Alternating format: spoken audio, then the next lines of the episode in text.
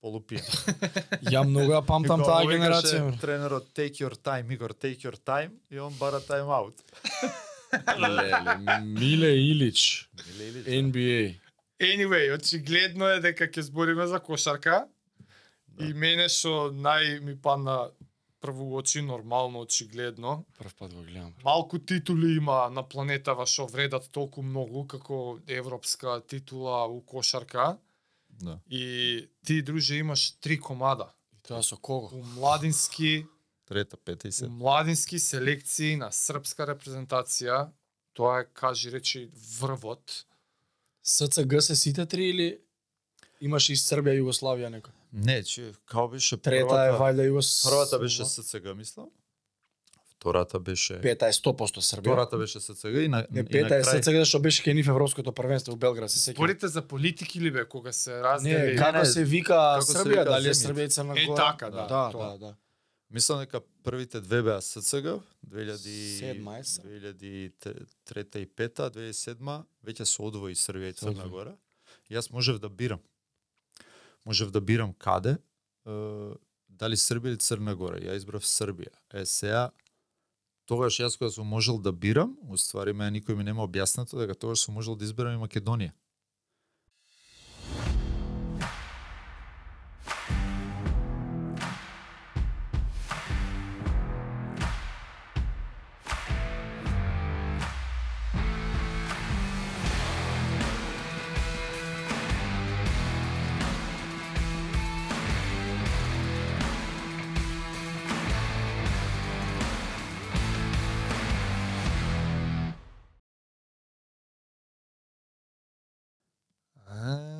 Тоа А, е ова мала е за сениорски неспособност. селекции збориме. Не, не, не, нема врска. Ще- У, у млади кога, кога се одваја државата, можеш ти да бираш. Као Ама немам ти- држава сега? Да, као можеш да бираш и мене ми објаснува дека можам да бирам помеѓу тие две, а тука можела да упадне и Македонија и да исправи грешка која ја направи поради која јас одбрав да играм за нив, иначе ќе си играв за Македонија.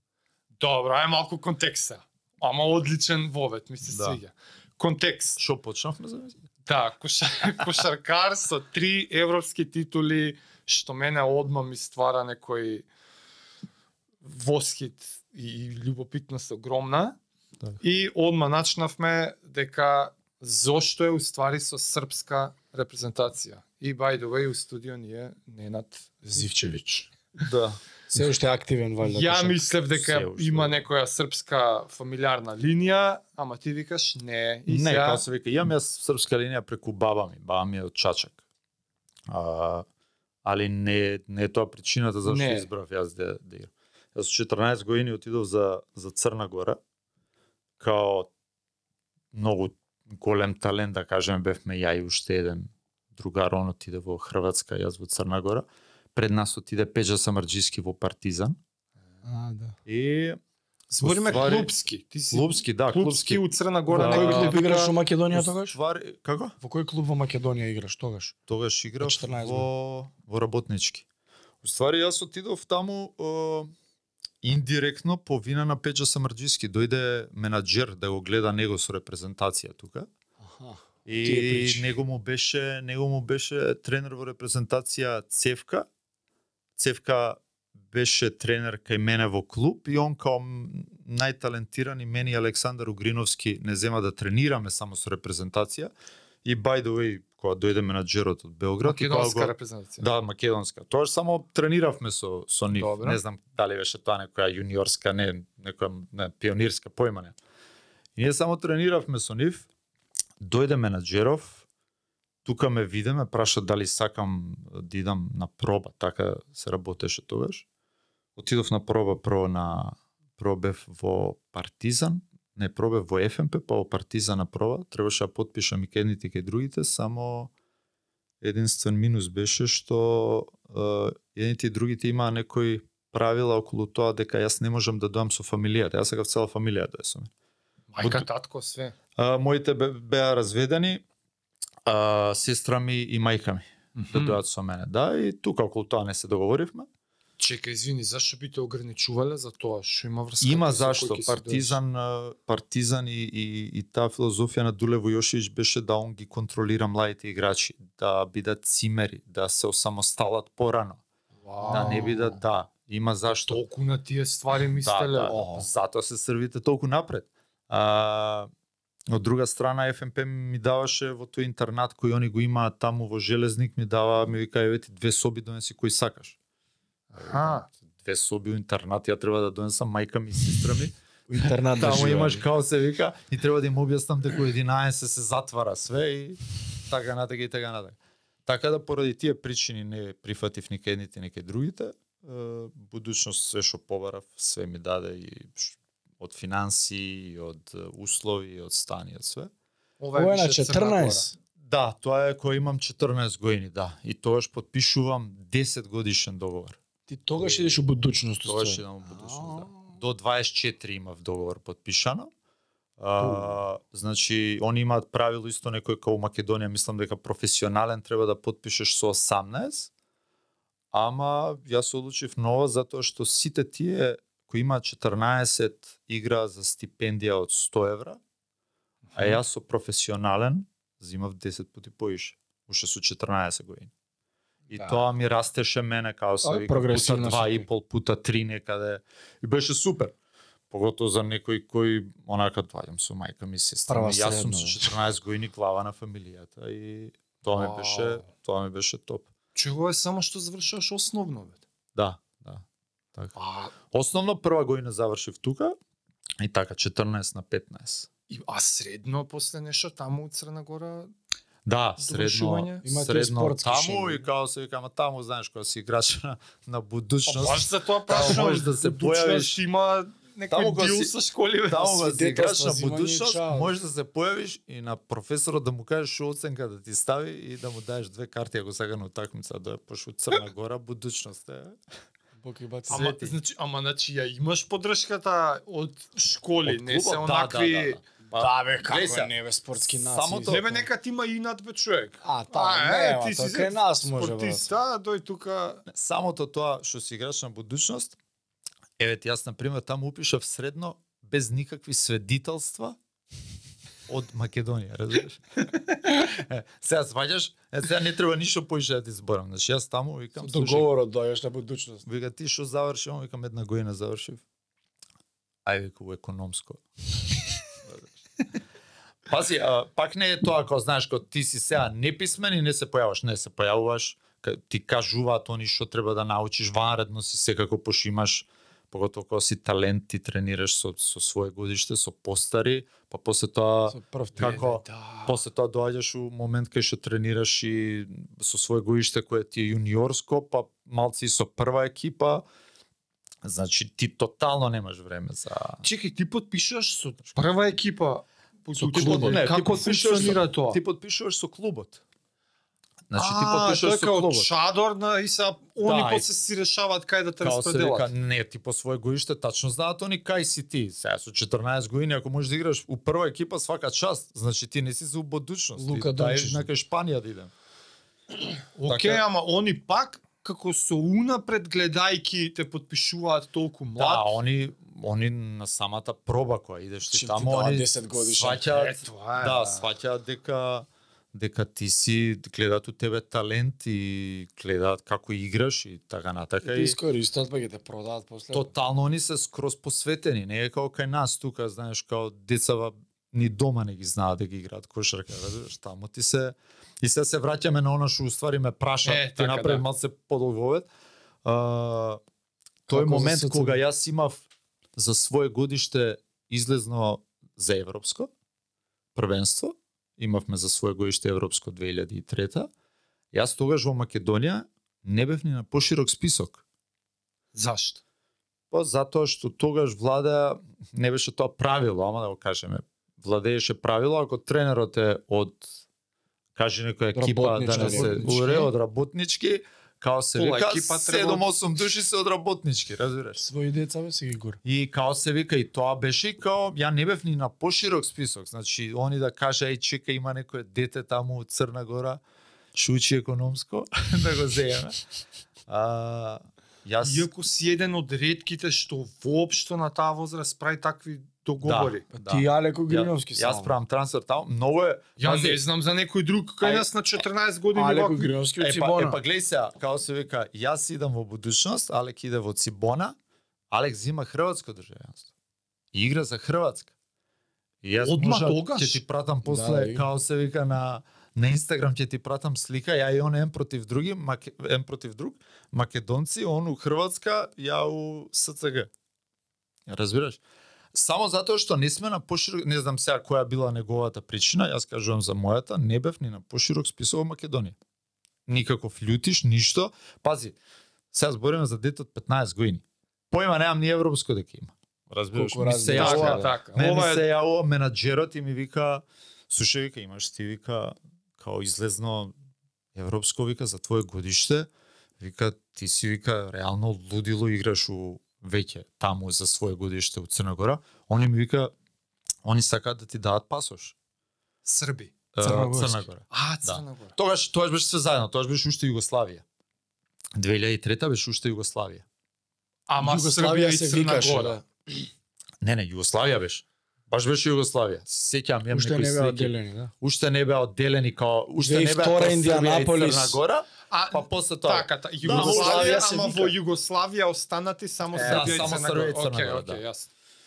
И е, тоа е нивна понуда, кај што као дал сакаш јас европско ќе играм, разбираш? Пази, никој не ти обеќа дека ќе играш. Значи ти можеш да бидеш на поширок список, па идеш на припреми, па таму се докажуваш, па Да на те крај да, па. да, да влезеш у тие 12. И јас одма прифатив. А, припреми тогаш ми беше беше тренер и тука во Македонија, Мио Кадија, он е црногорец. Uh, мислам дека он беше тренер во Ловчен во, на Цетиње и он беше селектор. Лудило припреми, не знам, од Црна Гора, Планина, она, како се вика... Чекај, селекција прави од Србија и од Црна Гора. Да, да, да. Србија и Црна Гора, тоаш беше, ти викам, тоаш беше Југославија. Кој беа у состав од денешниот? Знам Теодосич, Миленко беше- Тепич. Uh, да, тогаш тогаш беше Теодосич Тепич, uh, али тоа Паунич, беше не тогаш ние бевме не, тогаш бевме уште клинци, uh, тогаш Немања Александров Немања беше. Александров. Немања Александров беше Потенцијалиште. uh, веќе се знаеше дека он кој ќе искочи на драфт ќе биде прв пик на 14 години. Значи се NBA се- драфт. Да, да, да. Он 2005-та Он беше, он беше главни. онаква, онаква значи најполивалентен играч кој можеш да го замислиш. Значи он беше реално новицки пред новицки. Значи таа висина може да игра четврка позиција со шут, со све, закуцава како сака, значи стварно ваков слабичок, Дали лета. на него, да. Многу, како се вика, и тогаш имаше таква, од секогаш имало таква култура во српската кошарка. Пази, ние сме собрани најдобри играчи од цела земја, значи Србија и Црна Гора. И ние сите даваме наше гоиште по 30 коша. Сите што сме таму. И сега ти доаѓаш таму и тебе овој ти објаснува дека и слушај. Главен играч е овој. Александров? Да. И ти како се вика, Уште на Ти- таа возраст е... ти брат тотално треба да смениш играта таму, ако сакаш да доеш до медаличка. Ако сакаш ти како се вика, ја имав проблем со тоа сваќање.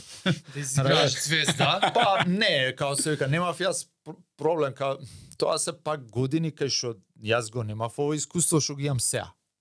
Јас си ти како се вика, сакаш па тогаш да ја уште не сум знал дека сум скорер, мада јас сум играл на таква позиција шутер, а, како се вика бек, поентер. кој поентер, не си плеймейкер кој треба да разигрува као другарот на томе. као се вика, не си не си нешто центар кај што ти две банани залепи има и 10 скока и тоа е тоа, пак треба да да забиеш. Абе, И 20 се одеднашка треба да доеш вамо и да се прешалташ, ти треба да, да реално треба да смениш играта. да погодиш две тројки и тоа е супер. Да, ако, ако ти ја дадат овамо, ти рачунај у тоа време те досиш не беше и трет плеймейкер. Значи, Што збори? Да, тоа време како се вика имаше имаше многу поспремни од него. А, он беше тогаш и некоја поише двојка позиција. Можда не ни беше као нешто плеймейкер. Брат, тоа се а, тоа се онакви а, у тие генерации поима немаш ти кој ќе биде играч. 14 години, тебе сениорска, сениорска кошарка ти почнува онака 18 до 20 ако не се изгубиш, Не се пошто ни многу се губат се- тука. Знаеш, тој прелаз сениорска кошарка. Така да таму уште ништо не се знаеше, ама дефинитивно мора да се прешалташ према према Према екипата. Чекај само да. еден, само еден момент. Сај, Србија има избор на играчи колку сакаш ради, не знаеме, историјатот, ама ти добиваш понуда да играш за Србија како оноа што го викаме натурализиран како државјанство добиваш, ама онакво као од селекцијата дозволена квота на странци толку и тебе ти ги нудиме или како Не, тогаш немаше као се јуниори мислам дека не постои. Немаше, ти како добиваш тоа време- српско ти, државјанство? ти Црногорско тогаш уште немаш во тој момент ти уште немаш, тоа се вика како кошаркарски пасош. Ја во тој момент уште го немам. Тој пасош ти го добиваш од кога ќе заиграш за некоја репрезентација. За А селекција збориш. Не, за било која. Аха, дури И ти ти етап тогаш, да, и ти тогаш го добиваш пасош, така се вика да кажеме. Го добиваш тој пасош као ти сега играш за нив и као тоа е тоа, они тука не те гледаат као натурализиран. Не спаѓаш ти у тие. Не си у тие. Ти, а, ти си у тие која ќе дојде А селекција и сега ти си Македонија и оп го зијаме шортс од ваму, он е американец е и кој веќе игра со амерички пасош, да кажеш, и оп, сега он не е еден натурализиран, пошто имаш право на еден така. Е, так, ти не Да. спаѓаш Јас тогаш уште не спајам, пошто ти си у млади селекции уште, они мене ме зимаат, ми, ми нудат да земам овакво пасош и реков зашо сум одлучил. Многу ме прашуваат, као знаеш, као сега од оваа гледна точка, дали постои жал, или ја Да, да, можам да го вратам, да го вратам времето, ја тотално исто би постапил. Зашо не постои жал у тој сојуз што бил тогаш у Македонија и не рече и чекај не избега детево. Разбираш? Јас. Да, бе. Зашо не постои жал у тој другиот сојуз кога се одвајале Србија и Црна Гора, па кога мене можела и Македонија да ми понуди и дојди кај нас. Разбираш? Таму, на- таму и почна целава случка за тој момент кога ти не си ни знаел дека Да. си имал право да одбереш и Да, Македонија. т- тоа ми беше Како објаснето. идеме хронолошки сега, кога доаѓаме до Е па тој момент? се, а, мене последната медалја со со Србија ми беше 2007. Јас после тоа се вратив во Македонија, прв пат дојдов од 2000 и 2001. Прв пат дојдов се вратив во Македонија. И не се вратив ја нешто како тука да играм, него само чисто онака пошто почна некои проблеми со будучност кај што ептен се раскаравме. И јас кога дојдов, тогаш потпишав за работнички, дури тогаш ми беше објаснето дека Тогаш беа Фершпет, мислам, така? Да. Дури тогаш ми беше објаснето пошто селектор тогаш беше Јовица Арсич и он знам дека многу гураше да ме врати у Македонија, ама не можеше, не знам зашо. А, веројатно пошто имаш само еднашка право да промениш а, Гора, репрезентација, Србија, а ја од Србија и Црна Гора сум избрал Србија. Е, јас тогаш да сум избрал, од, тогаш он ми објасни дека, дека тогаш сум можел да изберам Македонија, ама никој не никој не потегну тој момент, никој не знаел, никој не се интересирал веројатно. Па и тоаш еден чекор назад. Прво за да не ги дисконтираме трите титули, тоа е прича за себе. А, прво на нив, ајде, значи влагаш состав, тренираш со луди дечки таму, ја гледаш другата култура, како се размислува за спортот и влагаш во официјален состав, ти Да. си до како до 14 Тоа- до 16 гледа, до 17. Тоа луди дечки треба треба да знаеш дека ја бев таков. Разбираш, Тоа, значи тоа. јас бев као се вика, јас бев тотално тој тип на играч, тој тип на млад играч. Збориме за за тоа време. Е, да, најдобрите од цела држава, не знам колку ги имаш на список 20 и ти се тепаш да останеш од тие 12. И Ти влагаш у 12 влагам од 12 да сите 3 години, Ти не седиш на клуп, имаш и минутажа таму за тие. Да, у, у, на некои првенства, да, стално се менја тоа, пошто стално и ти се менја селекторот. Е, Сега ти рачунај на две години ти е тоа. 2003 освајаме злато, па имаш 2005 ти у, у две Да. години еден играч се 14 менја до многу 16. поготово у тие години. И немаш ти секогаш иста улога, разбираш? да. Поготово што пак се навраќа, јас сум многу јас секогаш и кога зборам е со Томе прв пат се гледаме, сум секогаш свесен, дури и сега, тачно како сум јас. Дали у животот, дали у спортот. Јас сум свесен и признавам каде сум сгрешил тогаш. Јас не бев тој тип на играч што можеше да се прилагоди, као се вика, на тоа дека сега треба некој да биде главен и ние треба не бев тој тип на играч. Јас Да играш за друг. сеќавам, 2003 никад нема да заборавам. Мио Кадија ми е тренер, Мио Кадија мене ми правеше состаноци само на мене пред секоја утакмица. За? Он доаѓа и ми вика слушај. вика, прво треба да тргнеме од тоа дека он многу ме почитуваше кој играч. Многу. И знаев дека ме почитува. Ја него многу го почитував како тренер затоа што на тренер на овака влагаш на терен се знае он е газда, искачеш од овакво, знаеш која заебанција со со селекторот, разбираш. Буквално заебанција другари.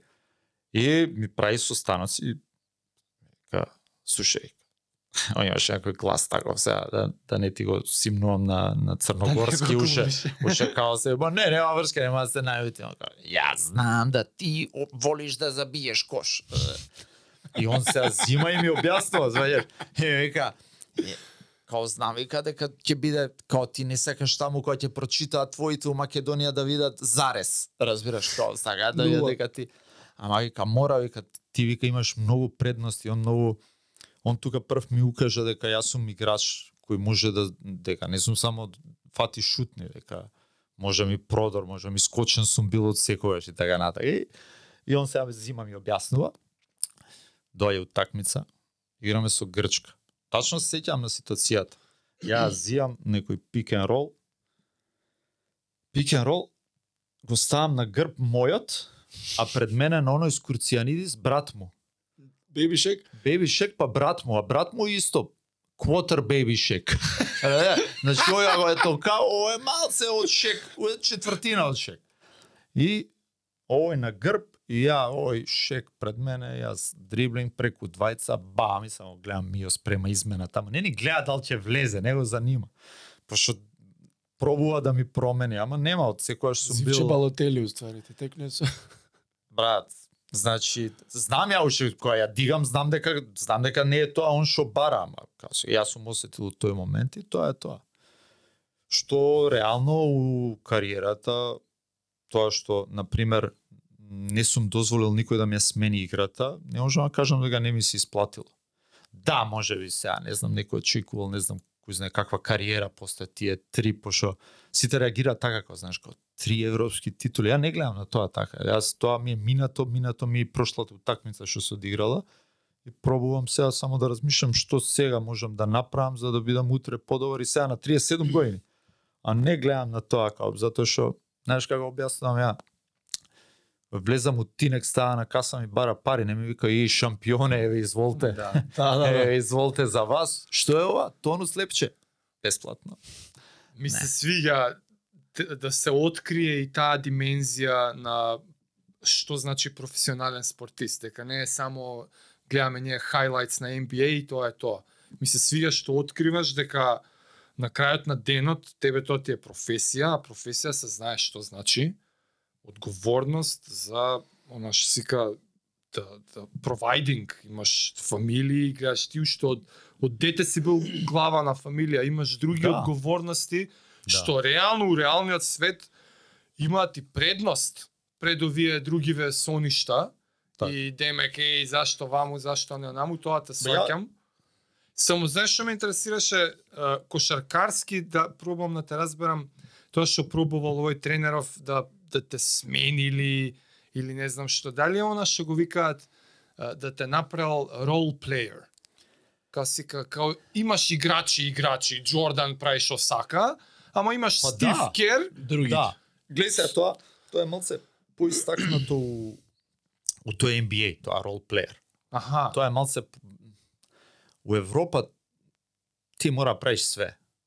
Нема она, знаеш, као да, имаш ти одредена рола, се нема да бараш од Таварес да шутира тројки у Реал Мадрид, кој е 2.40 висок колку е. аха. Разбираш, значи, да, он си има своја улога, што треба да прави, овој си има, да, ама тоа рол плеер е многу поистакнат у NBA.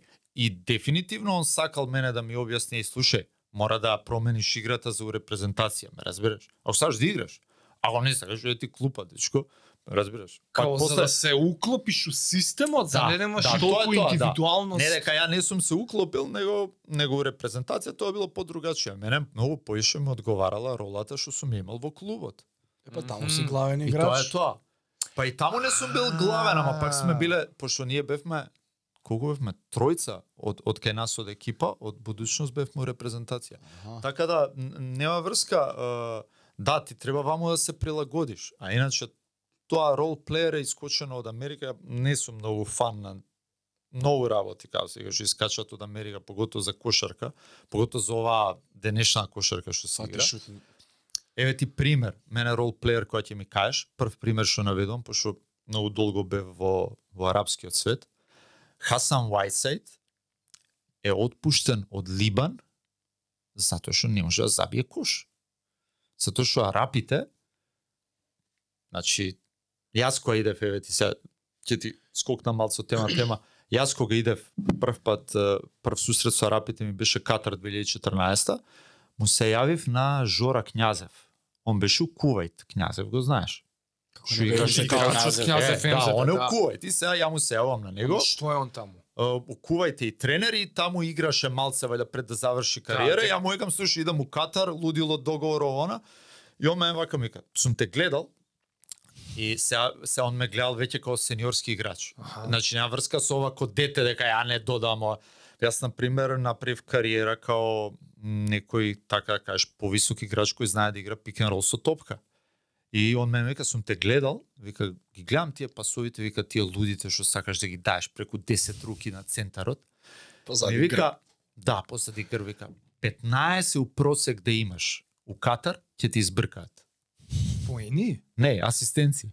15 вика да имаш, ќе ти избркаат. Викам, како е? Само поени гледаат. Само тоа ги занима, значи ништо друго ти си ја додал вака така, он не. Он дал поени, разбираш, он е добар. Ти, еј, чекај да видиме, што после ќе се навратам, се испостави како тачно. И сега ти го имаш Whiteside у Либан, не може, не може, он начинот на кој игра му е таков.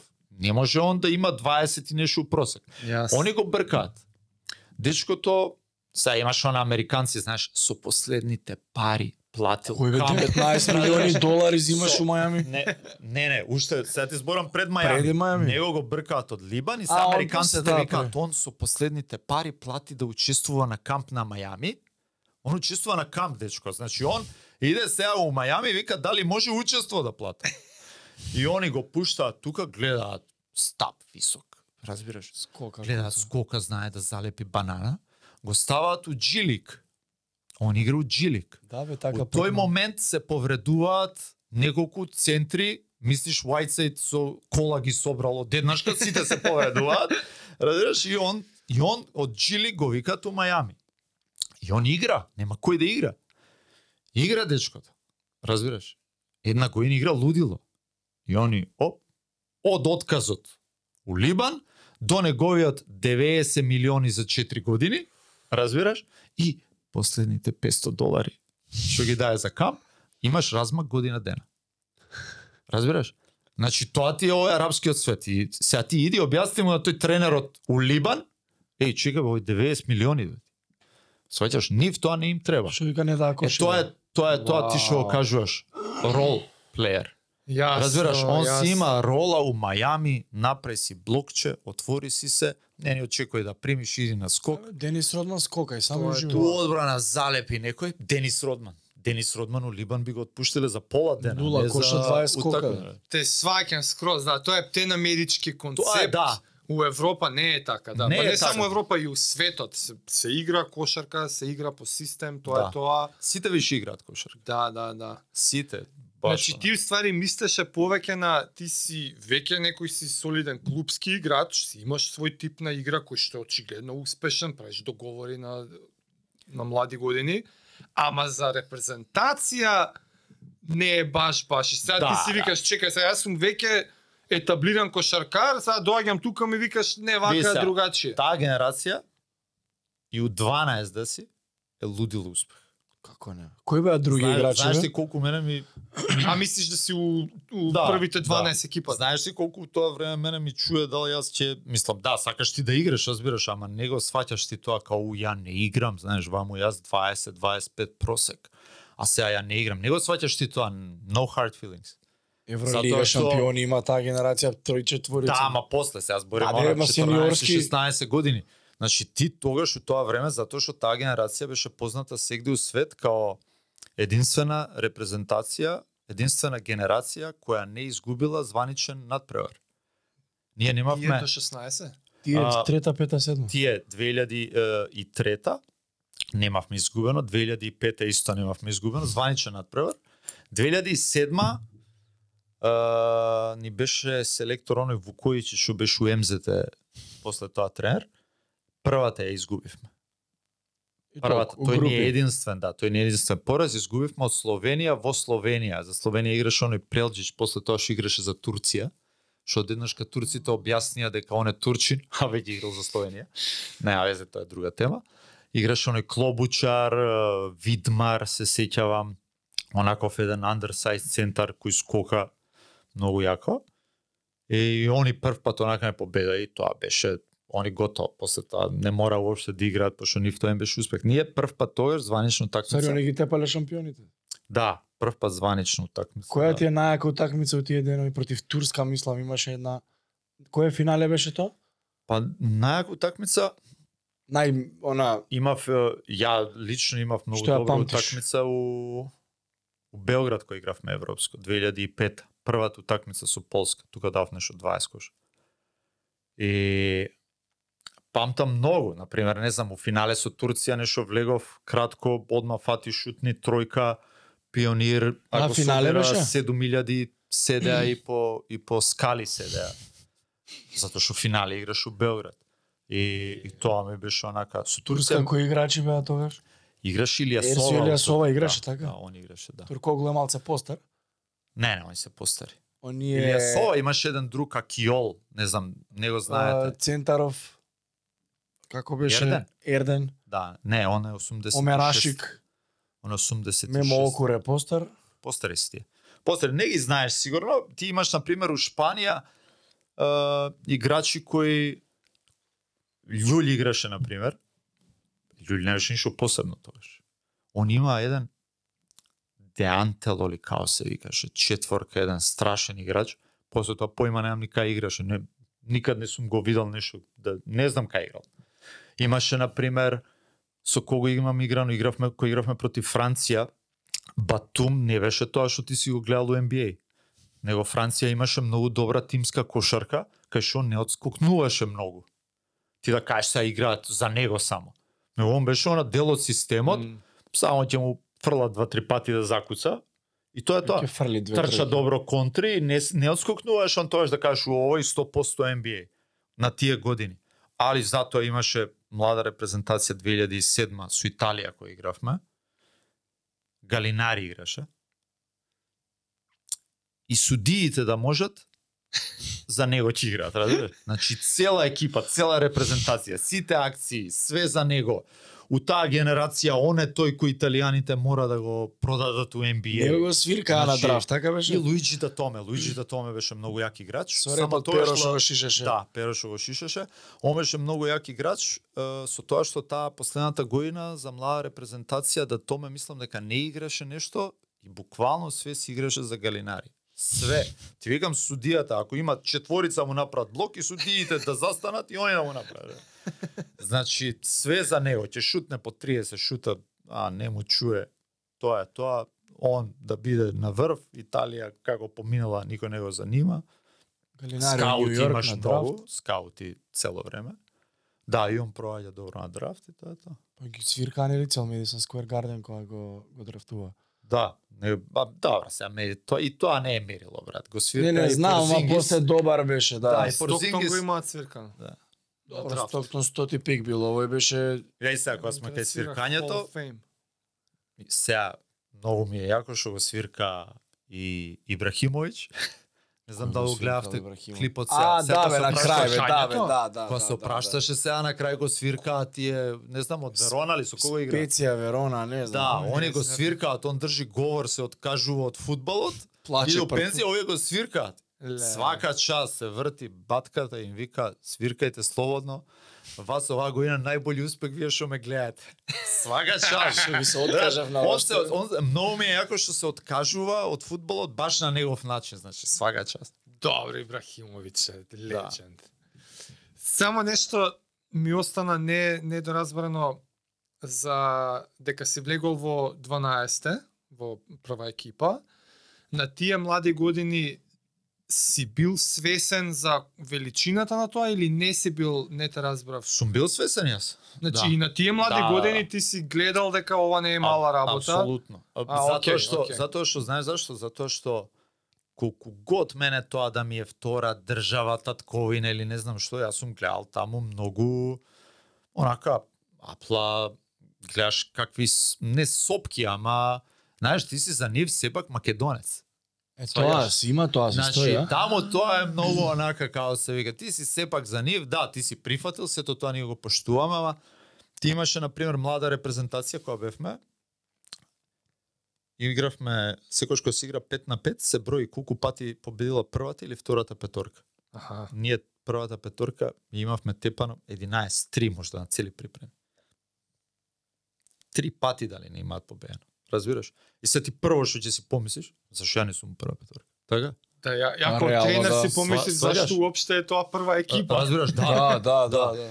Значи, тоа збориме више млада репрезентација кај што си пред сениори, значи 18 години. Да, кој вика дека е ова прва екипа Сваѓаш? која ја млатат втора? Ама као се вика, имаат, не знам, тогаш беше овој Вуковиќ тренер, си имаш он некои размишлења, кој треба да игра, што да игра. Не можеш ти тука, не можеш ништо, да- што ќе му сам на менаџерот, е слушай, знаеш, ја не играм. Ама тоа, знаеш како, секојаш е битно ти твојот дел да си одработиш. Ти имај си петка. мора ти мора ти својот дел да го обработиш и тогаш било битно и сега е битно. Ја мора да доам спремен, ја мора да сум спремен, ја мора да гледав некој дел од вашиот подкаст кај што ти кажуваш мора да бидеш спремен да дое шансата, ти да бидеш тоа, да. спремен, разбираш? Рики. Као Рики се вика, видов негде, не знам, као се вика, разбираш? секогаш да си спремен, Тоа да, е да. тоа. Затоа што е многу полошо ако дое шансата, ти не си спремен. Баш така. Си Ти си го работиш твојот дел, чекаш шанса. Имаше тогаш играме баш со Италија. Као се вика. 20 разлика во име, 5 минути до крај. И овој Вукојчич вика, ај вика, идете, загревајте си, ние као garbage time петорка. Ја, брат, тргам низ мене. И он ми вика, не, не, се. И јас се вртам, викам, слушај, ако не веруваш дека можам 20 разлика да задржам 5 минути до крај, Ма не ме ни става и уопште, разбираш? И он вака гледа, а овие другиве четворица тргаат по мене. И он ми вика, не, не, само он, само он, вика, вие загревајте се малце. Сваѓаш. И као се вика, и тоа е тоа. А реално стварно да Сваѓаш. Ама треба да осетиш момент. Репрезентација не може да ме казни, не ми може ништо, разбираш. Мислам не може да ме казни, може да ме прати дома, ама од секогаш сум бил така малце. Курнас. баха. Па не, ја тоа ќе кажав, тука си колку 7-18, сега, Да, тоа е што знаеш, прилично зрело е ти као дете да му завземеш став на тренер така. Брат, зрелоста Ама има и од дома си надвор на Е, само е, 14 да, Да, години. зрелоста, зрелоста. зрелоста животот ти ја прави, разбираш, дете на развеени родители у тоа време. плюс на Ти 14. автоматски треба да разбереш некои работи, моите Да, се да, да. јас кој имав 8,5-9 години, ти автоматски треба да разбереш некои работи кои на другите деца околу тебе не им се дешаваат. Еве Ами табу ќерка, тема било ќерка тогаш. ми сега има 8,5 години. Па сега у ова ново време ја на нејзе да ја објаснам, па детето ќе има нервен слом, не знае што и се дешава, разбираш? Така да ти у тоа време само тоа да го сватиш, па да отидеш со 14 години. Уште да се сам некаде, да, да. Леле, стварно. А сопки, Така па... да, животот та- те има тебе животот, да, животот тебе ти ја дава зрелоста. Така. Начинот на кој си израснал. Јас сум израснал на улица. Јас сум израснал као се вика цело време улица, другари, седмо, осмо оделение тука, по кој пат ќе тргнеш. мало. Баскету мало, да, ако ти сакаш, ама може да биде и Точно. чекај на 7 години да лупнеме два налгина да не пецнат. Или не знам што зимале, разбираш? Значи тоа време, као се вика, тогаш беше онака као ти треба да одлучиш. Која страна од улицата ќе ја фатиш? Да, И плюс време на незнаење, немава информации кod денес, заебано многу, да. тотално ништо немало кod денес. Јас кога отидов у Србија, појма немав кај. И колку различно се се- тренира таму за разлика од тука на пример.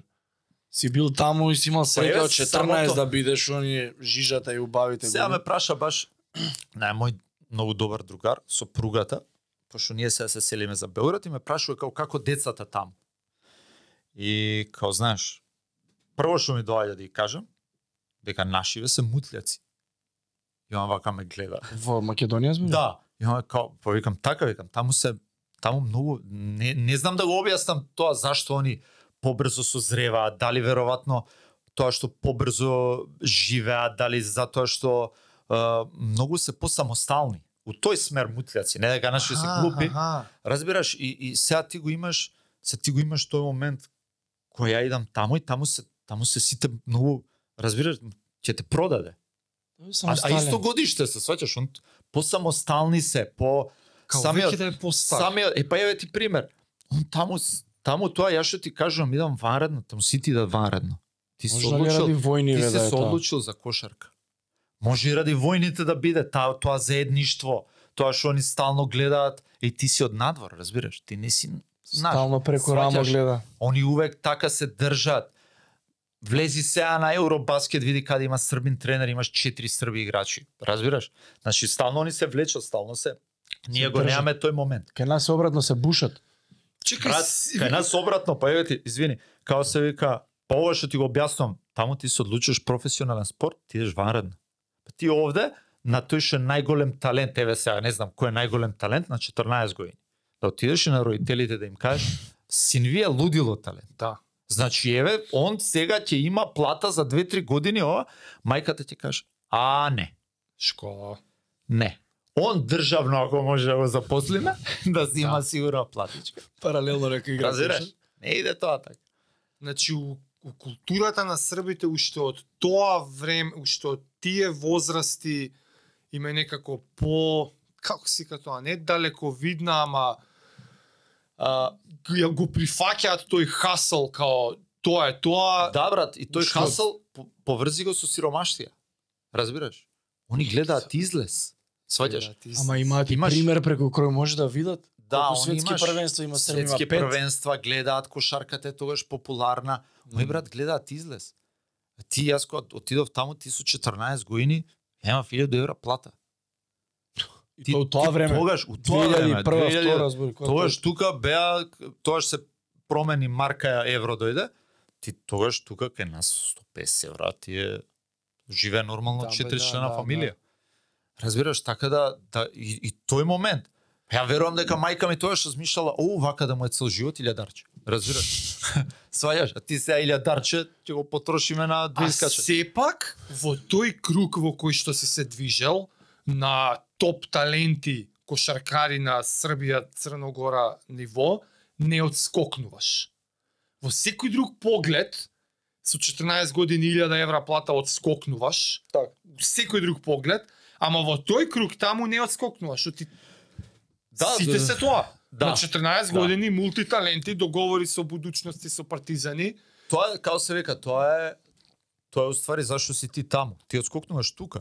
е Таму така. си еден од многуте. Таму си не просек, ама што па те што па те некако Не, приземљува. Таму си ти, таму си ти уврвот, ама имаш многу уврвот. 50 тоа, души се уврва, да, не си 50 еден. души се уврвот кој год да избереш, како се вика. не те прави не те прави да се само величаш, него некако те приземјува, да, дружите Таму и да, таленаци, ама пак треба да се докажуваш, Да. пак имаш Стално треба да се докажеш. Не само у тие години, стално брат. Значи ти ако си ако ако прифатиш професионален спорт, ти стално е докажување. Стално секоја година. Е, ќе ти излажам од кого ги имам слушнато ова. Е, ти си добар колку ш- онолку Колку колку што утакмица. колку постојаната утакмица. Да, Кој ја го има кажано, не знам. и мене ми е негде Нема по- нема да. поголема вистина од има тоа. да. Јас Да. сум јас сум давал пример. Еве ти Ти да Леброн па го серат после Мароко утакмици. играме куп. Ја дам 57. 57 Да, поени. тоа ми е рекорд. Тоа више ти зборам за време кај што јас сум ментално можеме и за тој дел, кај што менталното сваќам дека е многу битно, кај што ментално прешел тан дека мене никој не може да ме чува, и јас таму буквално кај да идам, што се вика, пишам. И по други ве. И као се вика, ја дам 57. Играме кај нас. Ја дам 32. Мене газдата ме прашува на клубот, вика, што ти беше денес, вика. Ало 100 по една давам за Е, дјутен. Вика, денес што ти беше добро ли се осеќаш? И проблем. Ја мртов ладен му викам, загледа викам са бајле на плажа, викам не требаше со моите. Разбираш? Што му кажам, што му кажам, тој као се вика, после тоа дознав ме прода хашиш таму по Мароко, свеѓаш. Што ја него сега да му кажам, му објаснувам кошарка. Нема што да му објаснувам, само намигни, да, да. И тука многу напредував у тој арапски свет. Само тебе ти Нема што да се ти брат, објаснуваш. било кој араб сега да ти дојде, ти објаснува кошарка. Не ви коша, било што, кросфит да ти објаснува. Свеш. Тој Ти, може ти, ти, вака, ти вака кој ти го видиш, он ти објаснува кошарка како треба ти играш, ти му јаш да, важи да. Чекаш само први да дојде, пошто таму никад плата не касни, ти такви проблеми немаш, имаш услови лудило, само намигнуваш, важи, тоа е чекот, так, у банка менјаме и крај на Фрлај. преказната, разбира, нема ти што, јас сега на него да му објаснувам дека и асистенциите се бројат, разбираш. М. Добро, будучност, продоговор, три титули у крем дела крем што се вика на кошаркарскиот свет. Пуни што 18 и дека таму некако е као наредниот crossroad с која зборевме со си имал шанса, си одбрал, не си одбрал Македонија, Србија. Да. Скокни сега таму у, у време пловот. Што се дешава после работнички. стануваш Што се дешава? про, про 18 напунуваш, Еве ти сега како кога трае, се, се, како се се движи разборевме.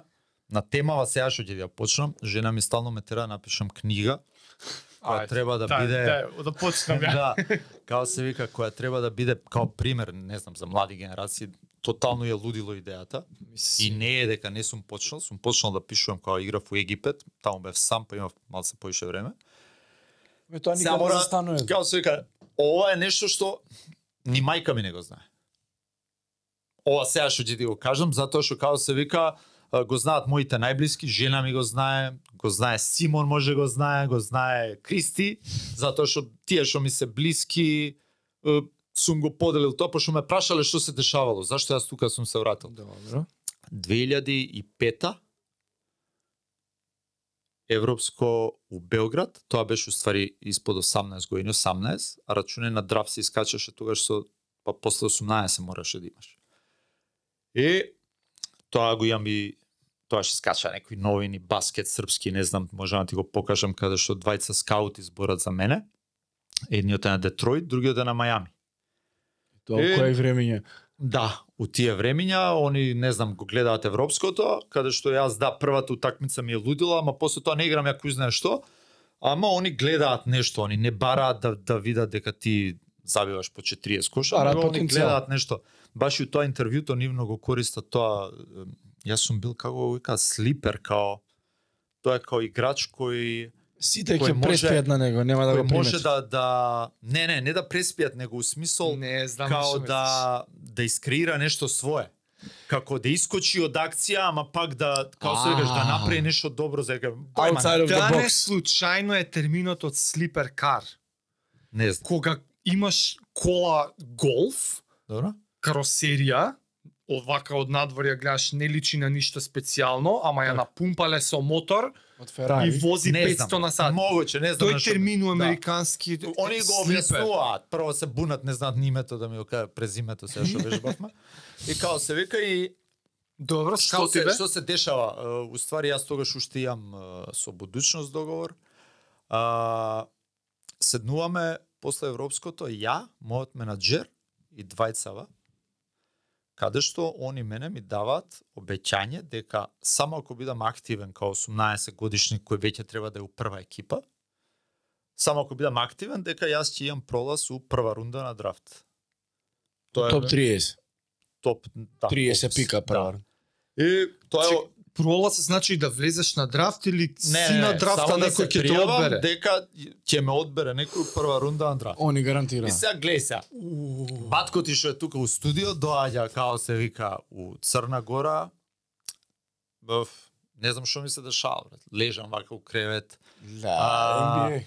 Брат, размишлям, прво размишлям кај сум почнал, знаеш, Колене Делковски, она малана сала, Војдан Чернодрински. Сум Као играл се таму, вика, тачно ги знам. Одеднаш кај мене почнуваат да ми стигаат пакети со опрема на Adidas од Детройт, со тоа што нема лого, пошто по некои правила они не смеат да ти праќаат со лого, Да, да, да. тука те врбуваат, разбираш? Почнуваат да ми стигаат, не знам, пакети, ја Adidas уопште не го поштувам ко марка.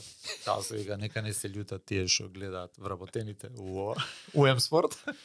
И не го поштувам, као се вика, нема врска, као одеднашка тука колку год ти да си сањал, ти сваќаш дека чекај, не е далеку, разбираш. Почнувам да си правам оној филм, знам дека пред тоа Пеце го споминале као прв македонец у NBA. Јас почнувам да си вртам филм и чекај, он не беше, јас ќе бидам, сваќаш? Како значи, не, ова се дешава 2005 година. И меѓу време, а, истите тие скаути а, имаат добар контакт со Фуен Лабрада од Шпанија и Аликанте. И они се со нив им кажуваат кои играчи од Европско им се на список и кои они мислат дека се као имаат нешто екстра, меѓу кои сум и јас и одеднашка Фуен Лабраде и Аликанте загризуваат и бараат од будучност да го откупат мојот договор, колку е обештечење. Се јавуваат мене менеджерот меѓу време ми се јавува, ми вика слушај има две екипи, вика знаеш, пак ја нешто за шпанска кошарка тогаш по 18 години, да, знаеш дека они играат многу добра кошарка, Реал Мадрид Барса, тоа а Браде или Аликанте брат, да ми кажал дека е плажа некоја ќе му верувам, не знам кој. И рачунај тогаш интернет тек тук ти тек тоа. И ништо. Они се јавуваат, прашуваат, ја умеѓу време почнувам припреми со будучност со прва екипа, прва петорка.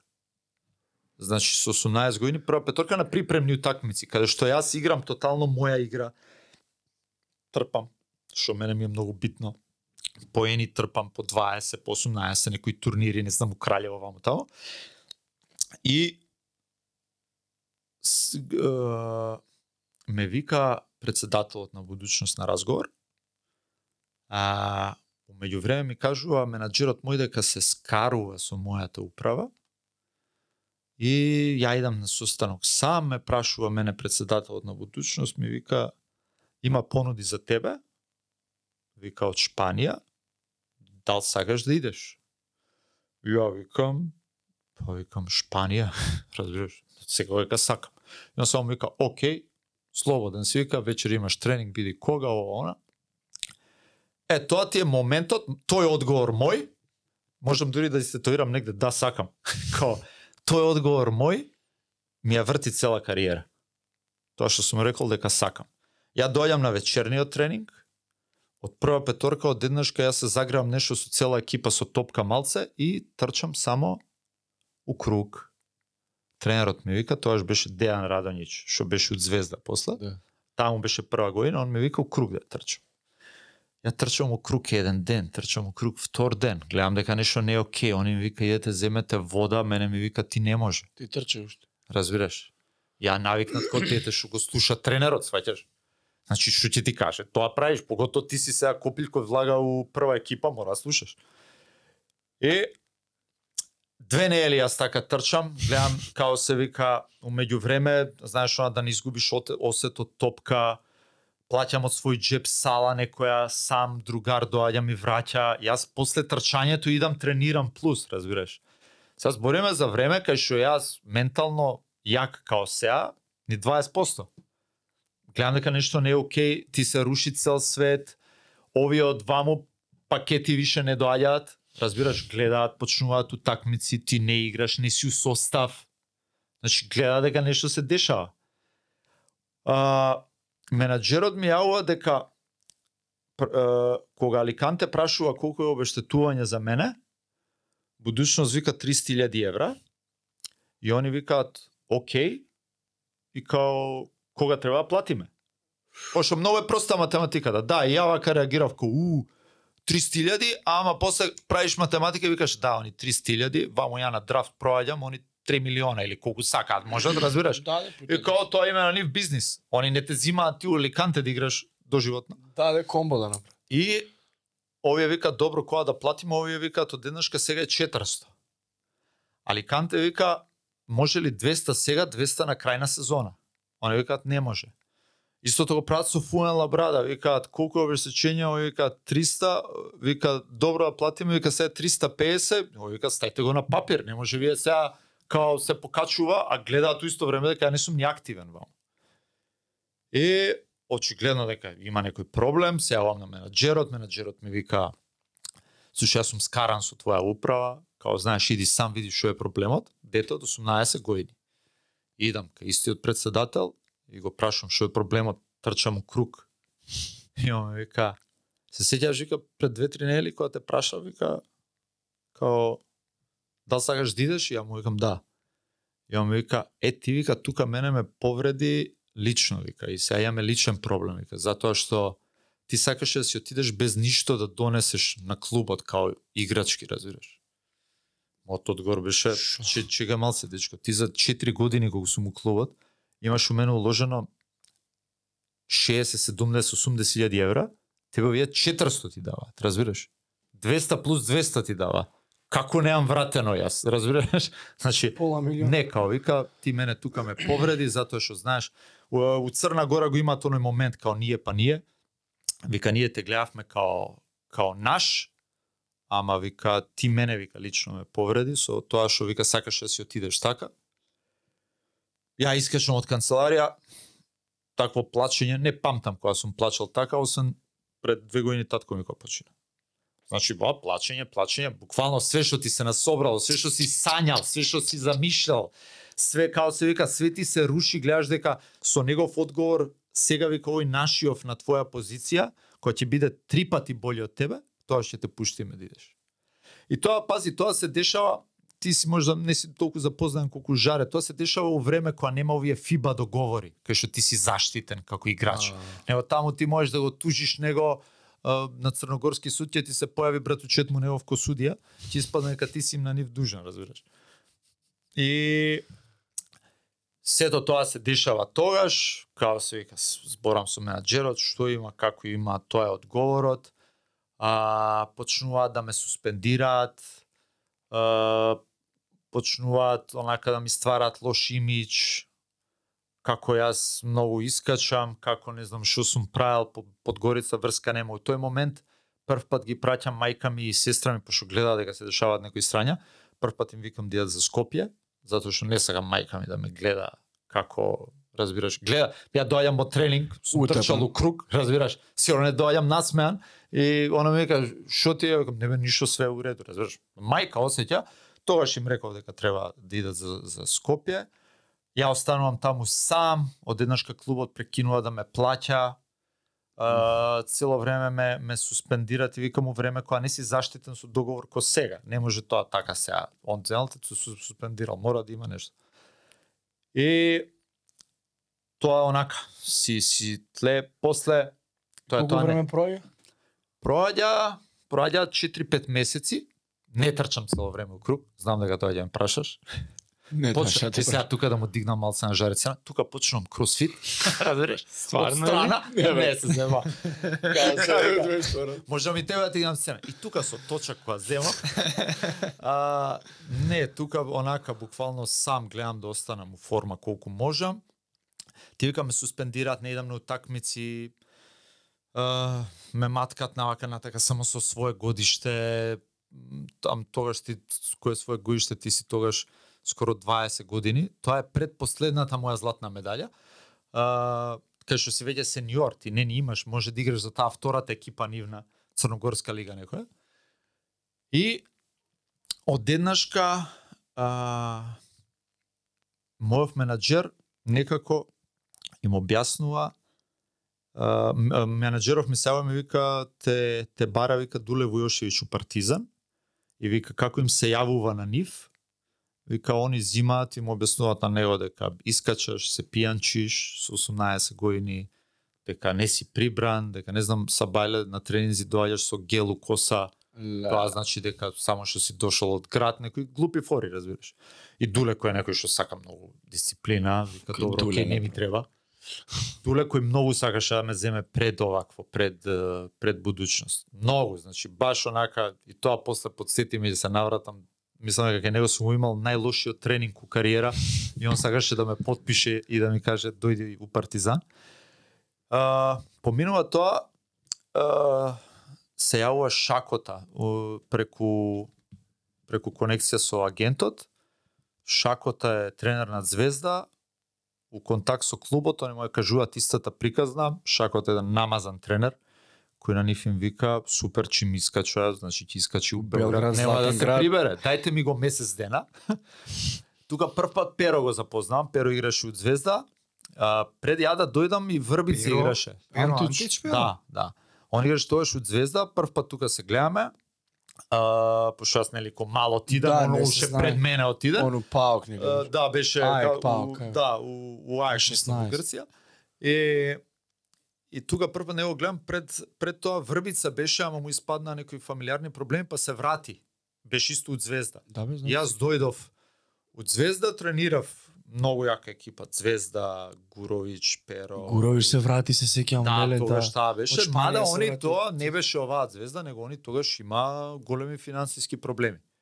Ама големи Ама- имиња игра. Да. Одскочна даска И беше. тука меѓу другото е истиот овој Александров, што го спомнувавме на почеток, кој се враќа од повреда лоша на колено која заработи као многу млад и воопшто не се пријави на драфт поради тоа што се повреди пред драфт. Да. И а, он се враќа, он е играч на на ФМП, тогаш ФМП и Звезда не беа исти. Мислам не се и сеа, ама не направија фузија кога се деси тоа. И тогаш обештечење за мене се извинувам на професорка по македонски, а, обештетување за мене е 50.000 евра за домашни клубови. Значи они готово, више ова 300 што било као не, не, за домашни 50.000. А Звезда некако плаќа обештетување за Александров 150.000 евра. И го зимаат таму, они буквално немаат пари за мене. А, менаџерот мој влага тука у некои комбинации, некој инвеститор на згради да плати обештечење за мене, јас обештетување професорка, а, као се вика да плати за мене, ја утре да му дужам, разбираш, и не дај Боже мене кола ме удри, завршувам кариера, јас сум му дужен на овој 50.000 евра. Нема везе. А, тоа се случува, е, немаат пари да ме платат, мада шакота сака да останам. Се враќам јас во Црна Гора, идам на состанок со истиот председател и он ми вика имаш среќа се деси повреда у Слога Краљево. И ја ме вика ние добра соработка со нив, им треба играч као што си ти, твоја позиција, ќе идеш на позајмица. И идам на позајмица, каде што тогаш, значи 18 години, јас требаше да имам некоја плата, не знам, 5000 евра. 4,5 треба да ми дава будучност, 500, 500 евра слога. Јас живеам од 500 евра. Будучност даваат. ништо не ми дава. Али тогаш више знаеш она кој имаш некој осеќај дека више не се враќаш, не ни сакаш да се вратиш после сите срања, јас се пакувам скроз. Скроз се Цел пакувам. живот. Да, да, све пакувам, си идам и знам дека не се враќам таму, не сакам да се вратам. Праќам нешто за Скопје по автобус, по не знам што, ти кажам тоа време, значи нема ова, е видеокол, разбираш, се, еден кол и тоа те кошта Скупе. 20-30 евра. Да. Е, Импулси на а, идам за слога, тоа е онака можда моја прва сениорска, колку имав тогаш. Па да, 18 години, а више играм у слога, играм прва лига со 18 и пол години. И тоа играм, не, 19 години. Устари не, извини. Стално го мешам ова последно во европско, тоа е under 20, значи јас имам скоро 20 години. 20 години имам тогаш. Играм прва лига, со екипи како не знам Партизан, Хемофарм и така натака и така натака. Играм добро, играм окей, 20 години, не знам, 11-12 поени просек, се супер. у топ лига. Да, у топ лига у тоа време кај што беше таа лига многу јака. Играв ја и пред тоа прва лига, која беше која бе во будучност. Ја прв пат заиграв за прва екипа која беше пред да дојде овој Кретенов за тренер. а, Ја заиграв со со Мута Николич. Тогаш нешто ни влезе у финансиски проблеми будучност. Игравме со млади, тогаш играв онака со 18 години, уствари 17-18 почнав прва лига. И ја услога Краљево, нели на позајмица, овие ме стануваат дужни, меѓу време јас да скратам го менјам менаџерот, зија менаџер кој е добар со црногорциве. А, после слога директно за Скопје, не сакам да не ми е план да останам, меѓутоа ми се јавува тој менаџерот и ми вика, слушај вика, средив, вика они ти дужат до сега 40.000 евра, Црна Гора, будучност, а, уште 10 нека плати некој и вика ти си слободен. И тогаш улетуваат Фершпет работнички, мислам дека прв пат, пари има. прв пат у историја платил Мм. некој обештечење за некој играч. Фершпет плати 10.000 обештечење, пребивме тоа со моето овакво, Дужните. ја дуго тим го опростив и, и така се вратив у Македонија. И тука ли е заеба кичмата? Да. Чекај пред кичмата Следната да земам сата, бе. здив причава. Значи, А? Ова ти е Како може- ексклузива, ова треба Ексклузива, брат, да земеш сега да направиш као свика овакво и да го Не сега, ова 40.000 некој евра треба му даеш. Сега треба ексклузива. 40.000 да ми да ми даеш од или некако од Куманово да ми ги наплатиш. не само што ексклузива, него прво огромно фала што го сподели. Ништо да ма. Второ што знам дека има политики, пак колку толку сме информирани, ама никогаш не би рекол дека до толку може да те поебе една fucking индивидуа затоа што лично се рачнал со тебе. Не, да. И плюс со дете се рачнал, каква подмуклост е тоа, сега ти со дете да изиграваш инат, 18 години си бил, он со тебе ќе се... Гледај се, таа особа за која што е- збориме, селјак пар екселанс, разбираш. Не селјак да живее на село. Ја тотално селјаците ги поштам. Да, да знаме, знаме на што се мисли. Шуп. Љак се. Разбираш. Значи, да. Шупа, што би рекол Симон, пак шу. Пак шу, да. Да, да, да, као се Страшно, вика, страшно. а, и тоа и усето тоа кој ќе го ставиш и тренерот. Пази, многу е интересно што не бев единствен на кој ова му го направи. После мене имаше еден што играше со мене у репрезентација Мијатовиќ, кој исто кариерата, да, он имаше причина, не знам, од тоа што слушав, пошто ја веќе заминав. Исто така, знаеш, како талент ова, она, не знам, лето било, се фрлал на бранови, скршил нога, се враќа на овакво готово. Крај, они го отпишуваат. Имаше тоа што овој Део Радонич некоја некоја идеја дека мора он да створи некој играч. Ние сите бевме створени играчи. Ние сите тие тренери на младенски категории у будучност нас не направиле. Дека се Он имаше на некоја играчи. идеја, знаеш, имаш она, не ти треба те многу да сватиш дека некој има некој комплекс. М. Ние гледаме касета, припремаме скаутинг за ФМП, а, он го гледате од Досич и вика, е, ви го вика, овој вашио, вика, од оваа вашава, вие вика, не сте генерација, вие сте дегенерација, разбираш. Што ти сгрешил овој, овој не е ни кај нас, разбираш. Ти само што си почнал да биеш тренер таа година. Што имаш ти против овој? Имаше, спремаме за Мега, у Мега играше мој добар другар од репрезентација Никола Драговиќ, он го гледа него и вика види го овој, види го. Разбираш, не може да го гледа. Сваќаш? Истиот тој Радонјич беше присутен на нашето европско злато у Белград. И ние више знаевме дека он ќе биде тренер кај нас. И он го гледаше тоа европско затоа што репрезентација бевме тројца од будучност. Ја, Мијатовиќ и Дашич, тогаш беше уште СЦГ. Е после Краљево, кога бев ја у Краљево, истиот тој председател ми се јавува. Ова иде на YouTube, така? Ова немам потреба да цензура ово, на Не. чисто да ја кажам што што све му кажав на телефон, така? Ако ти се лежи на се душа слободно. се, се заеба. Ми се јавува да ме праша а, за кого би играл. Се двојат државите 2006 ова се дешава после тоа јас сум нели у Краљево, ја у Краљево, он ми се јавува и ми вика слушај, се двоја нели одвоени се државите и репрезентациите, вика е, као избери за кого ќе играш, пошто оне пошто будучност е цела Црна Гора и федерација А. и све е таму. Он ми вика за твое гоиште вика за млада репрезентација биче селектор наш Дејан Овој што ме малтретира у круг. Викам, Дејан ќе ви е селектор. Да. Ја викам, ти сакаш да изберам, да. И ти, и Дејан, и мршу пизду материну. Као се вика, буквално онака со пцуење, со плюкање. Тогаш, пази, јас сум уште нивни играч. Разбираш? Тогаш више не размишлав, онака ми дојде, баш ми дојде преку глава, затоа што, знаеш, на тоа е момент кај што прво го немаш ово искуство што го имаш сега, го немаш ова од арапскиот свет, да, да, важи председател. Може и тогаш ќе кажев дали сакаш у Шпанија. Како ќе одлучите вие председател? Што мислите вие? Така. И сега да се вратам и со ово искуство пак истото ќе го одговорам. Затоа што у Шпанија. Ама така и е, таа одговорност Не, е на срамота, повозрасниот, таа одговорност е на менаџерот, кажи ми еден човек што го знаеш што би рекол на моје место не. Јас сакам да останам кај вас. Така да е нормално, таа одговорност не се очекува од дете на 18 години, Да, значи не е да. тоа Тука, пази, тука не е си ти у потфрлање. еден момент укриво тука.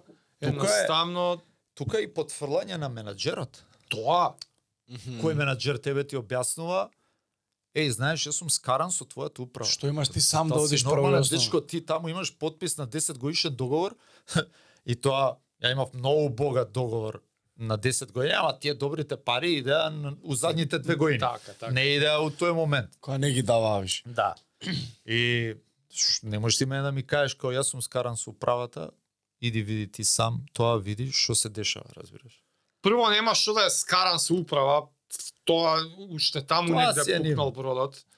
Бе, гледа, он беше Првиот ред беше- човек е тоа. Да. Он беше тој менаџерот, уствари прво што го однесе Пеџа па мене. Он беше скаран и со Дуле Војошевиќ кога ме носеше мене на проба. Е, сега ти се враќам на она А што. кажи за тренингот со Дуле. на за Тоа се тренинг, враќа, Да. јас си го запишав. Као се вика. Туле лош тренинг. Да. А, ја мислам дека тоа ми е најлош тренинг у кариера. Што значи Е, најлош тренинг? Јас во бев нели прво бев у ФМП на проба, таму не се договоривме, мислам не се договоривме, не им дав одговор. Чека идеме се на друго место. И доаѓам кај Дуле. Пази, тоа ова сега кога го кажувам и кога ти ги спомнав овие имиња, треба да сватите и вие и сите што гледаат емисија дека ја појма немам тоаш ни кој е Дуле. Ја на прв тренинг играме 2 на 2. А, јас и Крстич против Вујанич Ненад Крстич. Ненад Крстич, да. Тоаш Ненад Крстич е 2000 година, не знам колку години имал. Ту, тука е прва екипа е, тука е, разбираш? А не ги знам јас тие играчи. Ма разбираш? Тоа е од Македонија 14 години брат, 15. За младите што Како се гледаат вика? и не знаат кој е Ненад Крстич, играше со Винс Картер у Торонто, у Бостон, у У Оклахома. ЦСКА играше. ЦСКА беше легенда. Да, да. да. Ка, ама тогаш не, е, разбираш? Тогаш, као се вика, тогаш е у Партизан. Вујанич играше исто, мислам, Вујанич играше у Пантенаикос. Ја и Вујанич се чуваме тогаш. Ти Милош кажам, Вујанич беше Ја, ја играм многу до Милош Вујанич, да. Играме 2 на 2, ја и Крстич, а ово игра Вујанич игра со еден до ден денес не знам дали е кошаркар. У три четврт беше облечен, изгледа на Дуле му фалеше чисто да ме проба некој. три четврт батката уште да имаше оние камионџиски рукави, као се вика, исунчан, од ова, од ауто, од рака кроз прозор. И, и као се вика и играме 2 на 2 и тоа ја игра многу добро против Вујанич. 14 години дете, никаков страф, ништо, нема врска. Тоа ми е уствари првиот тренинг. И он вика, Дуле вика, супер, гледа он тука нешто, не знам, ми да некои вежби седам на столче, па нешто шутирам, па ми дава со три прсти за ротација, не знам, нешто, некои вежби, кои прв пат ја тогаш се сретнувам со нив. И ми вика, имаш, вика, вечер тренинг со свое годиште. А, и као он ќе дојде да ме гледа, да види со свое годиште, јас како Миленко дали Тепич. одскокнувам ово. Не беше Миленко уште тогаш. Имаше некои, не знам ни кои се. Може може и да тренирале со мене па и после репрезентација, не знам тогаш, не, знам. не ги знам, брат, доаѓам, као се вика, сеќам пред тоа дојдов, никад нема заборам прву такмица што гледав тогаш уживо нешто ФМП со Слого Краљево игра, Шекуларац играш у ФМП, лудило играч, скорер 40 поени, не ги знам јас тогаш. Ние тука не сме ни прателе толку. Идам ја на тренинг со моје гоиште. А, вежба 3 на 2. Баткот и од Капиштец повлекува у средина, у скок додавам под нозе. Разбираш? На овој му иде позади топката. Не ни фаќа, ни, ни не е ни близко да ја фати. Разбира, освен го не скокне како голман. Као се вика, после тоа некоја ситуација, јас кроз другата нога ми се заглавува у шортс. Разбираш? Зошто бе? Трина, не, не знам како се вика, не знам брат. Не знам како ја од секој сум бил тој играч од потек. Разбираш, од секој сум бил тоа веројатно што увиделе овие двајцата како се вика што што викаат може да искочи од акција и да да Аха, створи аха. нешто. Разбираш? А, Highlight reels направи. Еве, ќе се вратам после на нешто што што ми го има Тони Кукоч кажал на еден камп што бевме тука од Македонија, оној Basketball Without Borders. Он вика тој потек тебе ти носи пари. Тој потек доаѓаат у NBA, да гледаат публика, разбираш. Купуваат Вика, тоа што ќе ви кажат на Балканов а, овие тренери веј немој ова, не ако тебе ти е од дриблинг полесно, зашо позади грб да не ја доаѓаш, сваќаш. Јас брат катастрофа тренинг. Катастрофа, ја викам гото, ја више си врзувам патики си размишлам, добро ФМП барем гијаме. Ќе видиме сега идеме у будушност на проба да видиме таму што се дешава. Ја искачам, При тоа менаџерот му е скаран со Дулевојшич, ја искачам, уште малце што нема да се залапаат овие двајца, као се вика со со смење, со, знаеш како. И Дуле ми вика браво мали свака част. ја почнам да се вртам да не скрие на камера негде. разбираш. Браво мали свака част, вика видимо се сутра, отиде, ја го прашувам менаџерот, викам што се деси? Вика сака да те потпише, вика он е воодушевен. Ја му викам, пази, пак повтарам. Појма немам кој е Дуловешич. Он 2005 нели беше на А селекција се сега? Да, ја му викам, викам, викам, ова е на прва екипа и после овој тренинг сака да ме потпише. Викам, ти ме дупиш, де. Вика, не бе, вика, сака да те потпише, вика, викам, зашто? Вика, он е воодушевен, колку имаш муда, Од мудата, да. да после првиот пас ти даеш уште три такви, разбираш? И при тоа ти си на проба. Сваќаш? Значи ти не си потпишан. Значи ти си на проба, дечко, и ти зимаш и од ваму од таму, вика сите други да дојда, вика им се тресе руки, вика, он така размишля. Вау! Да, ќе да. дое момент, ќе ја вопалиш на, на 3-2-1, нема да се плашиш. Колку длабоко гледање е Да, да, тоа да. е. Е, брат, па ти имаш, као се вика, не само србите, не само дуле, ти имаш, не знам, американците многу размишлат кога скаутираат некој некој млад дечко, некој млад играч, а, го има тоа размишљање као знаеш као он не забил тој ден, ама као се вика, они гледаат дека после првите два шута он шутнал и трети и четврта, разбираш. Шутер шут. Шутерс менталити. Да, да, знам, и знам на се што вика и-. И они презадоволни, не знам, ми даваат тоа што јас го барам финансиски, само тоа што требаше да бидам со Трипковиќ. Да. Цимер. Шутерот. Да. Со него требаше да бидам цимер и тука реков да ја видиме будучност. Да не беше будучност, веројатно ќе ќе ги избраев Партизан. А зашо ти до будучност? Поиш 10 годишен ти? Све ми дадо. Не, не, не, Бе, 10, ова- 10 годишен сите дава. Или 8 или 10, Не, ова тоа се враќаме нај на почеток Па со знам, ама- фамилија, со Да. све која не е Зошто идеш Да. од Црна Брат, Гора? ја на- реков сакам со мајка ми и сестра ми вика А, вика, зашо Партизан не ти дадоа за Да, твоите. да, Да, да, да, да, да. три као се вика, трисобен стан. Вика Така, тука така, си така. близко. Направивме full circle. Јасно, јасно, јасно. Да. Еј, Тоа е тоа. Ај сега у Фершпет дали нешто бар веќе ќе ми биде познато кои години си тука, колку време, како те тера кариерата? А, у Фершпет, откако е, доаѓаш шеста, тука? седма ли е која беше? Да, така. Дали те фаќа Огнен. Стојановски Да, бе, Да, со работнички. Огнен, да, со Огнен. у иста Со екипа? Огни приватно сме ептен добри, да. Ахте, добре. Огне е единствениот македонски кошаркар кој го видов на Црногорско приморје многу случајно. Кога доека бев од Црна Гора. Мислиш онака одморски? Да, да, одморски као се вика и он, ја го гледам се поздравувам. Добро, тоа ни Он е беше со мене, да. барав негде кај ќе се Тако е на па, тоа ти е конекција ќе 2007, имаме. 8 и 8 9. Мене огнен ми е школски иначе. 4 години клупа делење усредно. Бра. И за тоа чекав сега ако ќе дојдем у Македонија, негде сме тука генерацијски, рече Фершпет Па и сега овде јас беше знам тогаш Симич беше во работнички. да он се истера најмногу работнички, после се префрли.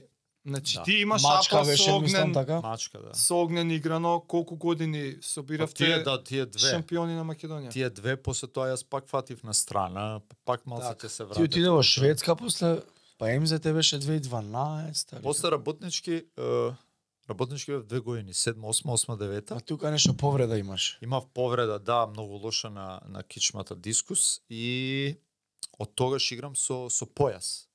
Е, тоа Од тогаш до ден денес. Ден кај- денес? Да, да, дали е теретана, дали е до ден денес со појас на совет на еве уште играм и терам и постоја имав уште една повреда 2000 која бев у МЗТ со со овој словенечкиот Фил Джексон. Змаго Сагад.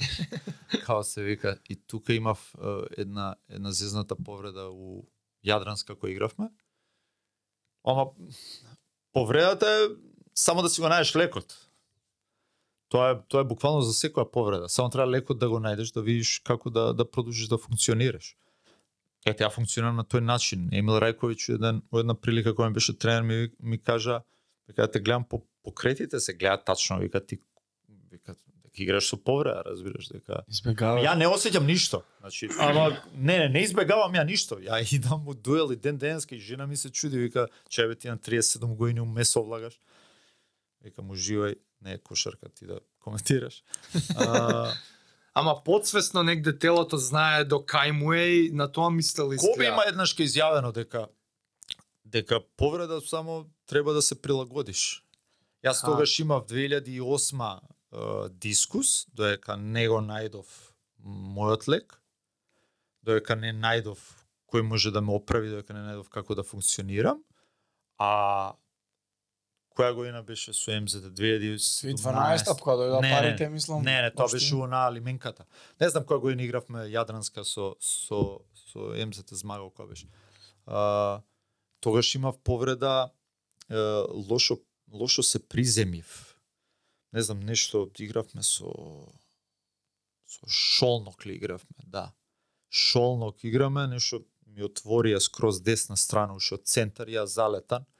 Многу скокнав, положив, ама кукот ми дојде у, у линија со главата на тој што ми се постави и како положив, јас кога паднав, а, осетив на десната страна дека нешто се дешава, не свиткав нога, не сјебав колено, ама нешто се деси.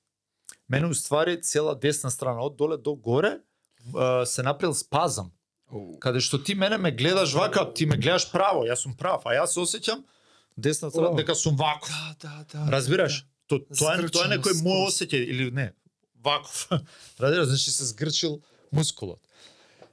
И тука више бев спремен да да завршам кариера. Тоа имав 29 години. Па спремен, не спремен. Спремен не сум ни сега да завршам. Ми си игра затоа што уште ја сакам кошарката, затоа што уште можам да допринесам, а Лесно. е. Тогаш по совет на тотално нестручниот тим кој не лечеше не УМЗТ, него имавме сега да не именувам болница, имавме договор со една болница и ќе се препознае веројатно и докторката каде што тоа беше као се Болницата вика, да не се римува со Кристина. Не, со сланина. А, као се века, нема врска, болницата си е лудило. Значи ја и ден денес идам таму. Разбираш? Ама идам кај правите луѓе. Така. На тоа место кај што тогаш бев пратен, се има други луѓе кои А се што ти кажа, што беше утката? постручни и кои и ден денеска ми помагаат и кои а, таму ми ја снимија кичмата и ми рекоа дека треба да се направи операција и дека ќе можеме најнормално да функционирам, ама кошарка, ја 29 години. 37 имам се, уште играм. Разбираш? А не направи операција. Не направив, не направив ништо. Чекај, ради спазамот ти викаат треба операција. Да, затоа што не знаат дека е спазам. Они ти прават рентген и вика, "Ау, чекај, а искочил дискот умеѓу време, Аха, пошто се направил спазам. Нема, дисков искочил и тоа е тоа. Среќа у несреќа е што у- на истото место работи еден многу способен дечко. Ја стално у секој интервју, у секој овакво кој ќе ме прашаат за повреди или за нешто, не сам нешто многу зборавам, немам проблем со тоа. Стално му се захвалувам. Дечкото се вика Мите. Димитар, а, кој учел киропрактика у Бугарија од најдобрите киропрактичари, од Русија или не знам кои биле таму, и кој сва среќа работеше на истото место и сва среќа препозна дека мене проблемот не ми е дискот, Јасно. Дискот се враќа и пак искача и сите што имале проблем со дискус, знаат дека тоа е така. Сега може на седење да ти искочи, ќе почекаш, ќе направиш некој терапија, ќе се врати Да, тој. да, да. И ти пак функционираш, него постојат вежби, постојат да видиме ние што е со тебе. О, буквално на напипање. Ми вика, ти цела десна страна ти е катастрофа. Јака масажа со врескање, со крцкање. Мите од од вас може пола глава понизок, јако дете.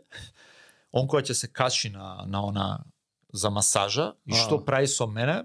Лего коцкица сум ја. Да, да, Два да. метра лего коцкица и он тебе те правите Има тука И разбивања тука- многу. има разбивања, он го разбива спазамот и ми кажува. Ми вика, слушај, немаш никаков проблем, само мора да бидеш дисциплиниран. Збориме за 2000 и а, 2016 можда. Така нешто. Пошто знам дека од тоаш до сега има проблем, да, 7 години. Да. А, ми вика, ќе мора да правиш вежби за истегнување, наутро и навечер.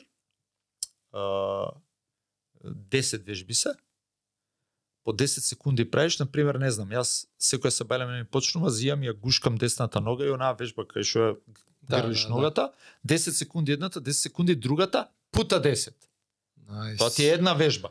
Значи ти правиш 10 вежби, мене истигнувањето ми е 45 минути са бајле, 45 минути навечер тогаш. Се со фокус на работен стол. Све, да, такви се вежби, така сега, буквално истегнување. Да, бе? Не правиш ти ништо друго, препазуваш тука нели на дишење, длабоко дишење, може да тоа некој дел од јога, не знам сега да не се Така, правам така. дека знам. А, и он ми вика, да знаеш, вика, јас тогаш у МЗ. Ќерка ми 4 месеци. Ми вика, 2014 ќерка ми 4 месеци. Е, као се вика, ми вика да знаеш дека ќе кризираш, ми вика. Додека си стегнуваш.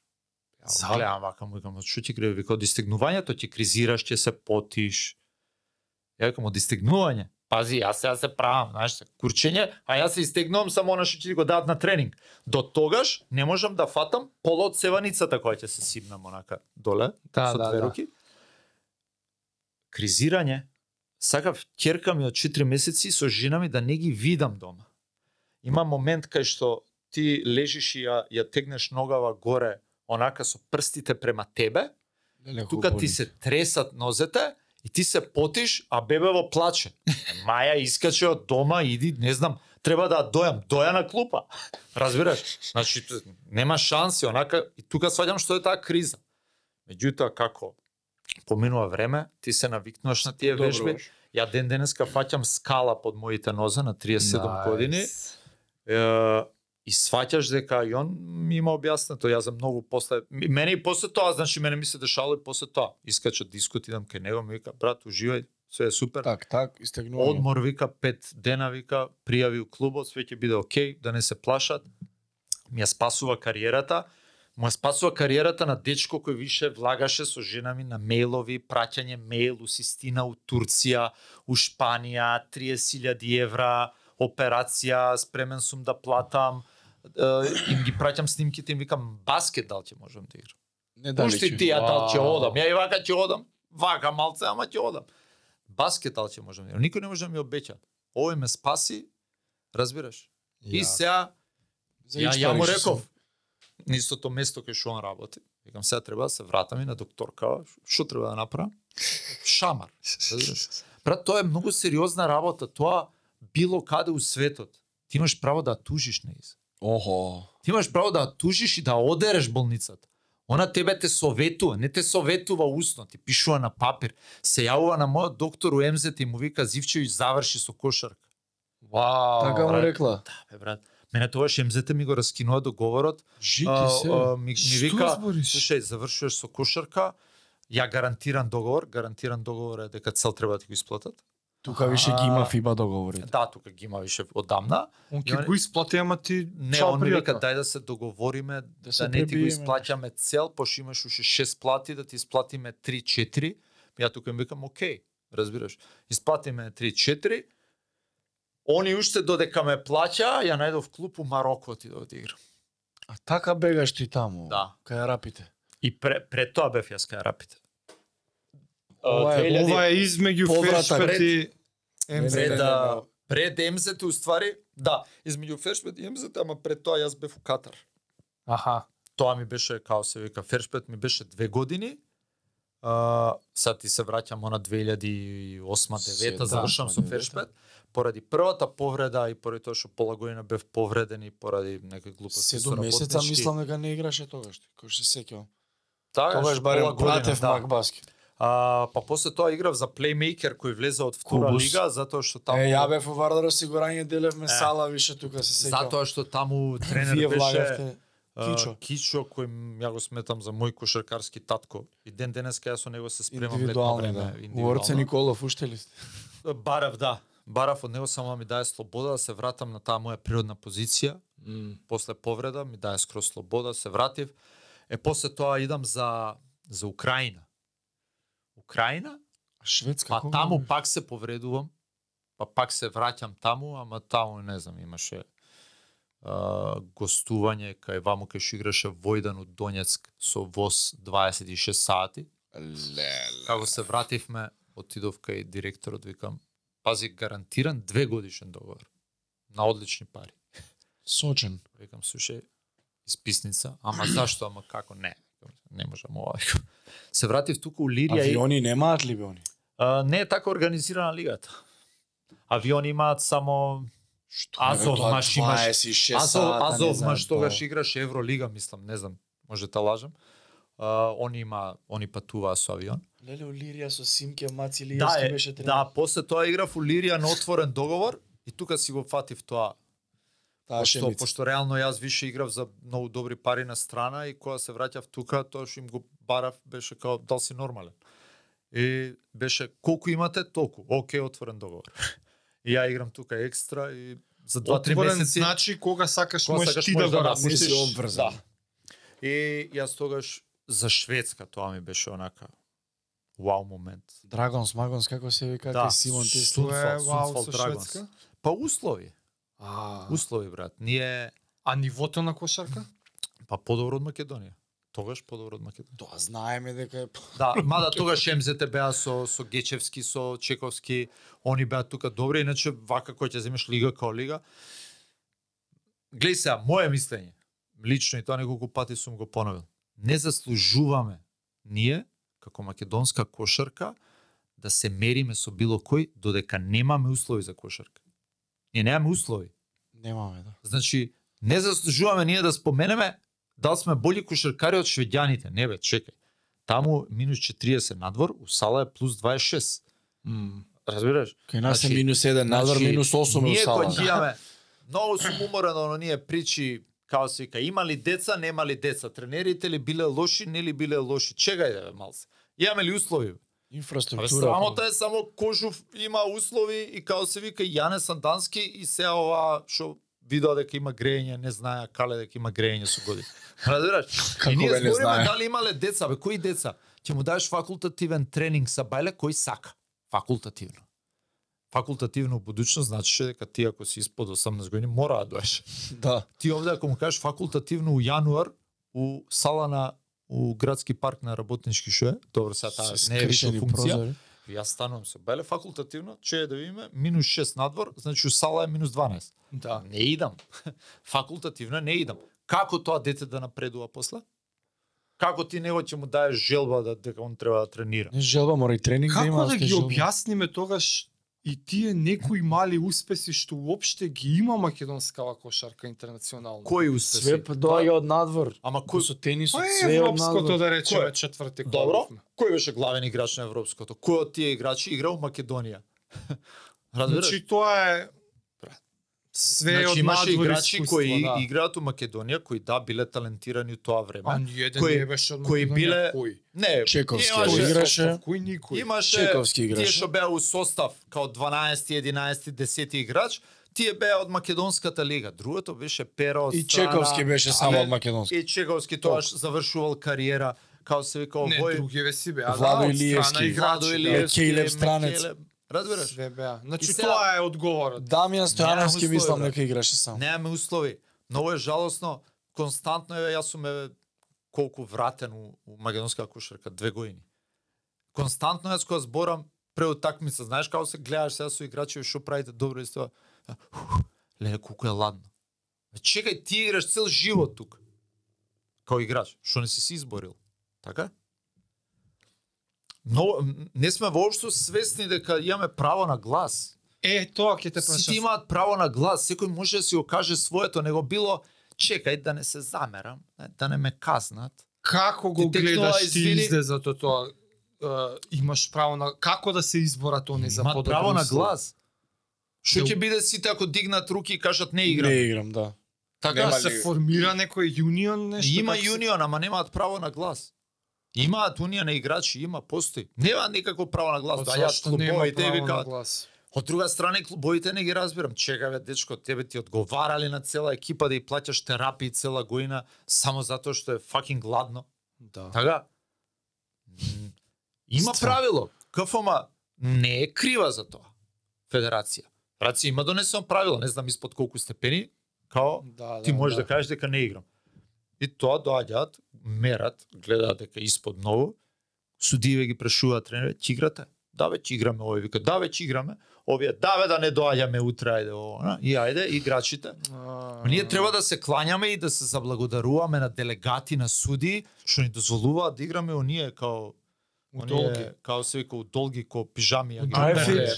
Па да, такви Нешто можеш се да бейслер, А Сандер. тоа не смееше Да бе, да. можеш испод да носиш хеланки, тоа е ајде нели више старо и као заебавај. срамота. Срамота те ставиш на Инстаграм слика, ми се смеат као се вика другари од арапскиот свет, од као се Дека вика од играте у долги. Да игра. слушај ова, од Шведска ми се смеат, разбираш, минус 40 е надвор, ти тек тоа. Ја ако потпишам у Шведска, тука другари ми викаа, шо ќе идеш брат, хокеј да играш? Ја идам таму, луди услови. За арапскиот свет не сакам ни да почнувам, пошто нема потреба губиме време. Да, имаат пари и нема што нема. Не правиш терапија у, у болница. Сите апарати ги имаш тука и имаш доктор кој ти прави терапија. У арапскиот свет. Све што ти треба. Освен-. Као се, а при тоа, а при тоа, и е, имаш у топ 3 болници спортски у свет, Aspire се вика, таа е у Катар. Еј, Aspire Академија, знам бе. Е, па, е, па, Тоа не е само болница, тоа е Така, е, па, Академија, таму, Академија. таму Неймар која потпиша за Пари Сен Жермен, таму правеше као се вика, о, не, таму правеше овие медицински прегледи. А, медикал. И као се вика, све ти е бесплатно, кога си спортист таму. И имаш, имаш брат играчи кои го користат тоа, доаѓаат глупи црнци, иди и си ги прави забите, пошто му е него све бесплатно, разбираш? Брат, глуп. А не можеш тоа друго ништо да кажеш, освен што е глуп. Сваѓа. Он тоа слушнал му рекол некој црнец што играл у Катал предходно и он се зима ваму овој му наоѓа клуб, а он има ваму болја понуда, он вика не, скапо ми у Америка. Да ја ваму ова. Е Забите ги. забот нешто осеќам ова и они иди си ги прави зубите у Све ни е бесплатно таму, нема што немаат буквално шетаат играчи на Челси, тука еден двајца правеле операција, разбираш. Вау. Овој другаров ми вика овие се на Челси, викам не знам, не пратам фудбал, ме заволе, го сликам тој, тој ме гледа како го сликам, му праќам на другар навијач на Челси. Вика и брат од кај не знам, не го кажа си име. Викам не знам, тука прави рехабилитација некоја. И нас ни е све поврзано, многу добро организирано. Aspire има физиотерапевти 200, ти си физиотерапевт на Алахли кошарка. Ти си физиотерапевт на Алахли фудбал. Ти си ги праќаат у клубот и на секој тренинг он е со тебе. Вау. И секогаш кога ти треба тебе терапија, он ти прави тука у клубот, ти ги имаш машините. Ако треба нешто друго да се провери, идеш у болницата. Ја играм таму 2013-14. Сум го истегнал рамото. Се враќам 2018 на прегледи, а, најригорозни прегледи што сум прошол се таму. Све ќе ти најдат ако имаш повредено нешто и не ти важи договорот. Ја. Да, да, да, па ти мора да пројдеш медицински преглед за да ти важи договорот. Сегде е така, секој Да, да, спорт. професионален фудбал. Така да као се вика, Добро, как зошто паѓаш преглед? ако си нешто повреден, повреда, Ако ти лажеш. најдат- Во моментот? Па брат, као се вика, ако не можеш да ако не можеш да си го одработиш договорот. Не можеш ти да почнеш повреден, значи мора бидеш Така здрав. е, така. Добро, да. е- Разбираш, Има од тогаш чувени не слики у Реал Мадрид у болницата која трчаат Да, ова, да. да. прво Да, тоа е- медикал па до гол. Тоа е само за сликање. Што све ти прават ваму, тоа е вау. Тебе, брат. Све ќе ти најдат било што да имаш, па ја играм 2013-14 Ти викам со рамото 2018 докторот по полношен прашалник он те праша ти му кажеш yes no yes no. Црнците тоа го викаат no тест. На све треба no да кажеш. Пошто го кажеш yes на некој од тие прашањата, ти поставува прашање си имал ли си имал ли у фамилија некој да умрел од рак? Разбираш? Баба ми, дедо ми. Ако му кажам, ти вика, аха, рак на што? Ја му викам, no, no, викам, no. Healthy at home, они брат, јас сум отишол 10 години свеќа да им запалам, разбираш? ти така, а ја му викам, него, no, no, шти клирај таму, дај да провериме медицински. тест. Сега сигурно нема да проверува Да, баба бе, И а, тој момент на, на тие ригорозни тестови, таму е онака нај... нај... Ама таму се и милиарди Не ти докажа, ви докторот ми вика како ти е рамото. Ау те памти од пред 5 Не години. те памти, у Те има дата да, база, да, не, па, да да. памти, он појма нема кој. си. Вика како ти е рамото? И вика си имал, вика некои други проблеми ме праша, ја му викам не, не. Како не вика тука пишува рамото, како ти е рамото? Викам, о, да, викам, не, не се сетил, па сум истегнал нешто, викам. Океј, и ти прави тестови. Не ти верува он, не си му ти од дома, па он има поверење, бе, те гледа втор пат може уживот. Да, да, Дај вика да видиме ова, како се вика да видиме, о, full movement, окей. Проаѓаш. Ти си левак така? Не, деше. Па на со лева Да не си гледал реверс. некој Да, да не си гледал на Лева стори. десна не е проблем, брат. не бе видеа едни јам гледано и како Тапкам не со. Не бе, Знам, сам, знам да толку не сум со- му те поина. Тапкаш, не бе како да те шутираше со лева бе. Не знам, не. Ти од кога се роди Лана, керка ти? Закуцавано имаше со Е, па лева. добро, бе, и положиш. Не Ама не знам зашто има впечаток дека се лева. Да, без. Има впечаток од цело време да играше надвор. Солана, да. Па да. Опиши колку е тешко дете да имаш и ти идеш на печалба цело време и тоа не било каде, него у Во мојот арапскиот. случај не е тешко, затоа што имаме многу коректен договор со сопругата. Они А, доаѓаали со тебе, она знам често пратеше- дека не доаѓа. Она ме пратеше мене и во Украина, која не постоеше Лана, и во Шведска. Затоа што Али тоа е А, Европа пак, добро. Да, ама нема, нема врска, пак те прати. Дал она ќе биде, ти ќе бидеш у Куманова, оно у Скопје нема бидете заедно или ќе бидеш знае каде и пак нема бидете заедно. И оно ме пратеше затоа што многу уште од млади години јас бев многу свесен дека не е лесно ти да бидеш со спортисти. Мене тоа ми е апсолутно јасно. И така се договоривме тогаш и на моје барање и на нејзина желба да ме прати и она буквално после нејзиното образование жртвуваш од нејзината кариера да биде со мене, ја тоа го почитувам. Затоа е сега се дешаваат други моменти, ја полека Се неизе. Јас сум рекол дека мен воопшто не ми е проблем да пратам нејзе ако она нема ја ради мене да ја го сопрам напредокот у кариерата. Ме пратеше и тогаш и после тоа кога дое Лана уште плюс додатна причина да ме пратат сегде кај што идам. Доаѓа они со тебе често? Да, да, да, они беа со мене и у Мароко, и у Тунис, и Зашто у имам впечаток дека и... или оние моменти месец дена си ти тамо, па после два месеца Не, месец ти имаш впечаток затоа што а, последните две години Лана која тргна во градинка, Аха. а, таму знаеш у арапскиот свет ја после кариера таму би живеел, мене толку ми било добро, поготово тој Катар да кажеме, и толку ми било све средено. Али го имаш оној момент кај што не знам, она е мала, доаѓаат деца сака да си играат со нези, доаѓа филипинчи избори нешто и Е, доаѓа тоа да знам, да. разбираш некој од Британија и кажува нешто, таму имаш многу луѓе е, од сегде од светот. Uh, и оној социјален момент кај што она многу стана приврзана за нас и тоа трае до ден денес, ако она има 9 години. Uh, и тоа кога го приметивме, се договоривме со жена ми дека е време они да се вратат ради малата, да видам јас уште колку ќе можам. Можев ја уште на страна од тој свет, али Е, ти се губи време од детето. и тоа и плюс знаеш таму е таму те цедат 40 минути играш. Цела утакмица ти си и малце малце се уморив од тоа, се уморив од тоа дека константно треба да трпаш, разбираш, треба да И тука Се очекува, па се поише, поише, уште, уште.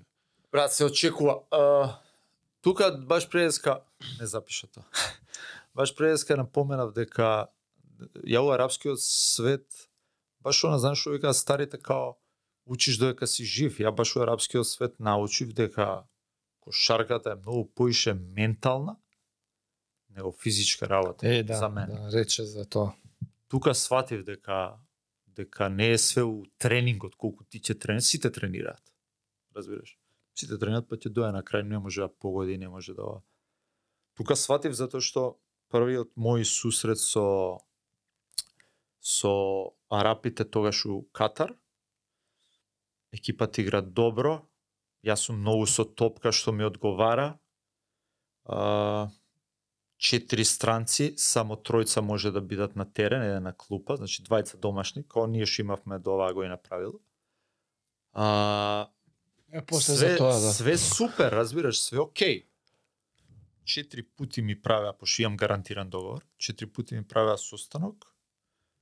Јас со просек имам нешто седум асистенции, шест асистенции, не знам и колку имав, ама имам за 15 тебе. коша просек. Мгм. Они ми прават мене четири пати состанок дека како знаеш да го раскинеме договорот како странец 15 поени.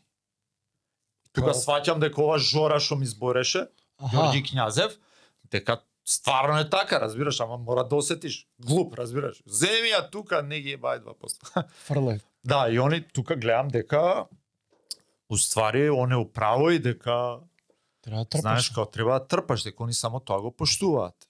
И затоа батко ти кога се врати у истиот Катар 2018 то 57 давање ни на ќерка ми. Тогаш бев прв стрелец у лига и тогаш уствари направив име у тој свет, пошто сите више таму знаат кој е Ненад, лидинг као скорер. некој као се вика пелец кој може да стрпа од 25 у просек до На 30 сон. и нешто. У, у Судиска Арабија имав 33 поени просек, у, у Бахрейн имав нешто 30-37. Така да сваќаш, ама не е само да сватиш, разбираш. Е тој ментален момент се деси у Катар, кај што бев буквално пред утакмица стојам вака на центар, колку год да ви изгледа смешно се, ја гледам другата екипа, разбираш? И кона ко Джордан со пурата у Ферарито која ги чека противничка екипа А, да дојат, разбираш, е буквално така, јас си се истегам тука нешто вако и ги гледам и билдаш самопоуздање. Разбираш? Знаеш дека никој не може да те чува таму. Mind games, више ги Знаеш мочаш. дека да, дека буквално можеш да правиш што сакаш, знаеш дека и многу битна работа сега да не се курчам јас, многу битна работа самопоуздањето трга од клупата. Ако ти имаш зелено светло од тој што е на клупа, Да. тоа е тоа. У нашиот спорт тоа е тоа. Зивчевите, Има еден многу на еден многу јак подкаст у Америка а, Аринас има кажано следно а, ние сме вика кошаркарите вика као куче. Вика ти ако е куче Стеф Кари ланецот е кај тренерот. И вика и ти ти сега на Стеф Кари да му кажеш да дое овој Стив Кер и да му каже тоа сега Стеф Кари тата у да му каже од многу далеку ми шутираш. Нема Да, да, да, да, да. Кога тоа го изгуби ти. Разбираш, човеков ја промени играта, кога мислевме дека не може да се промени кошарката, он ја промени, почна да шутира од, контри да фрлаат. од се вика, терен. од пола терен малтене. А, ти сега да му кажеш као, знаеш као, нема од многу шутирај далеку. толку далеку. Ако ги даваш македонското, абе ти погаѓаш, ама од далеку ми е. Разбираш? Абе погаѓа ли? Да, абе пушти го нека погаѓа. Тоа е тоа. Самопоуздањето трга од клупата. Значи многу е битно. Ти кога ќе видиш играч, ја никош за тоа не осудам играч затоа што јас сум уште играч. Ќе видам не погаѓал, разбираш. Дај да го видиме овој како реагира поред овакво. Од линијата. Абе тренерот е доволно да ти каже ти, ти си курац од шутер. Да не си шутнал уште Разбираш? еднаш ќе те се. Ама- толку. Што Ама пак треба ти да си Е, тоа Е. пробај да ми доловиш тој менталниот свич е ум, као нешто што ти само знаеш дека си го имал во себе и сега добиваш дозвола да го изразиш не. или бара и од тебе некаква промена и подлабока да откриеш нешто ново во врска со Брат, тебе. Од јај самодоверба на страна ти ја дава клупата. Океј. Ама ти си кошаркарище некое веќе и сега наеднаш магично можеш по 50 поена да даваш, а до вчера не си можел 50. Ка, знаеш, пробај да ми доловиш менталното, што е. има менталното има врска со духовното. А, Мм. кај мене, затоа што а, јас не сум а, тој што сум денес не сум бил порано. А, јас порано бев поготово тој период, знаеш, а NBA чекај ово она, па се враќам во Македонија. Разбираш? Ти тука више јас препознавам ментал тафнес кај мене што уопште продолжувам со кошарка да се бавам. Ама Аха. се уште сум оној нервозен, избувлив. Ти си бил оваа прича, се се враќаш у Македонија, моите ужа фамилија очекуваат 60 у просек, ме разбираш? Сваќаш? И тука, а, као се вика, сета таа нервоза и избувливост, гледам дека, знаеш, ми се рефлектира на повреди, на ова, на она. И тука многу почнувам да улагам у себе, да, да се смирам и така натака. И понатака, тоа е тренинг, уствари. Нешто конкретно почна да си Да, применуваш во животот почнав за да, се читам оваа мо- модерна психологија на и тоа А, на како се вика на совет од женами. mindfulness пракси, такви некои ствари. Као знаеш модерна психологија почни да читаш да, да видиш, разбираш као м, буквално директно у фаца кажување слушај ова тебе не ти чини, разбираш. Не нас не ни чини врската, тоаш бев муж дечко и девојка. Да, да, Него да. разбираш, гледа она дека мене не ми чини ни у кариерата.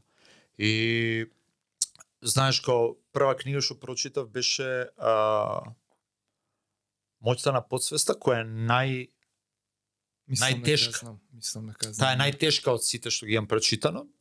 И многу онака објаснува кроз примери вистински што се дешавало кога ти размислиш на овој начин, што се дешава на оној начин. Разбира, тоа е нешто што го применувам ден денеска во воспитување со ќерка ми. Дека како размислиш, така живееш. Така е. Браво. Јас верувам дека тоа позитив тинкинг е сега многу модерно станот и така натака. И дека многу го секаде го бутаат и да, ма дај да прочитаме да видиме што е. Дај да видиме што те советува, дај да видиме, дај да пробаме. Дај да пробаме да размишляме позитивно. Дај да пробаме у секоја ситуација да го најдеме позитивното. М. Разбираш, и тука више онака ме заинтригира и, и многу многу читав. Многу улагав у себе на, на тој начин. И тука доаѓаш до промена, разбираш, кај што се дешава нешто, а, јас практикував, може некој ќе му помогне, може не, секоја вечер се преиспитував што се десило у денот Аха. и каде сум јас среќен како сум одреагирал, а каде не ми се свија како сум одреагирал. А, Дали нешто успеало да ме изнервира, дали не. Себе анализа. Себе анализа дневна, Јасно. разбираш, поставување цели. Рефлексија на денот. Поставување цели, обавезно. Подобавезно, мора да имаш цел. Како со ги што год запишуваш, да што им работиш. правиш? Со што год да работиш. С извода со бајкот, не знам колку сега чека ова. Не сега чекај, ќе идам ќе возам. Ама имаш онака запишуваш сега ќе 6, направам. 9 у како се вика оно, у Америка, разбираш, чекај да видам. Самото размишљање, самото размишљање те виѓате донесе од тоа. Не, не ова не го кажува Зивче, ова го кажуваат некои попаметни од мене. Не, не, те саќам, те саќам. Да, запишуваш. Ставаш на папир. Запишуваш некад, запишуваш, запиши на телефон. Да, затоа што има многу поголем значај кој ќе го запишеш. Пробај, разбираш. И тука доаѓа до промена на духот и тука доаѓа до тој момент кај што јас доаѓам у стара средина и знам дека таму да бидам јас survivor и да преживеам таму, као се вика, они сакаат тој у мантијата која ќе дојде бела у чаршавот испеглан, он сака да трпеш. Да. Јас бев у предпоследна екипа на табела, каде што таму одма добиваш шут карта, ја преживеав до крај. Затоа што не може го избрка најдобриот играч у лига, разбираш? Да. Ние бевме последни затоа што немавме домашни предпоследни. И затоа што они погрешија со еден странец, што беше катастрофа, па не може да го сменат. И ред други работи, ама јас морав да се прилагодам. И гледај сега, тој ментал тафнес има многу врска со самодовербата, а самодовербата мора да ја црпиш од негде. Да. Разбираш?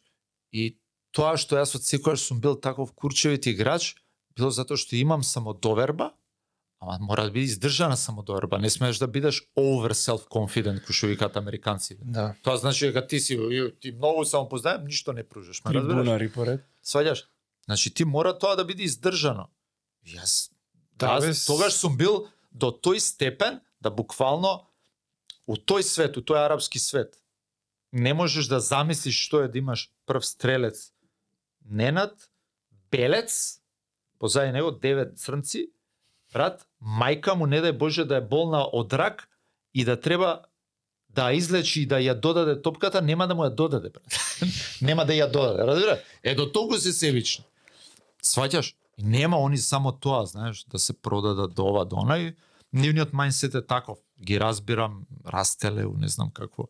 И јас да дојдам, кој сум растал тука на, она, окей, детство сум имал, Е, па не си баш тука растен се. Јас да не нема врска пак. Будучности. Брат, јас тука сум до 14 години, они тоа што преживеле до 14 години таму е Да. за нас нонсенс.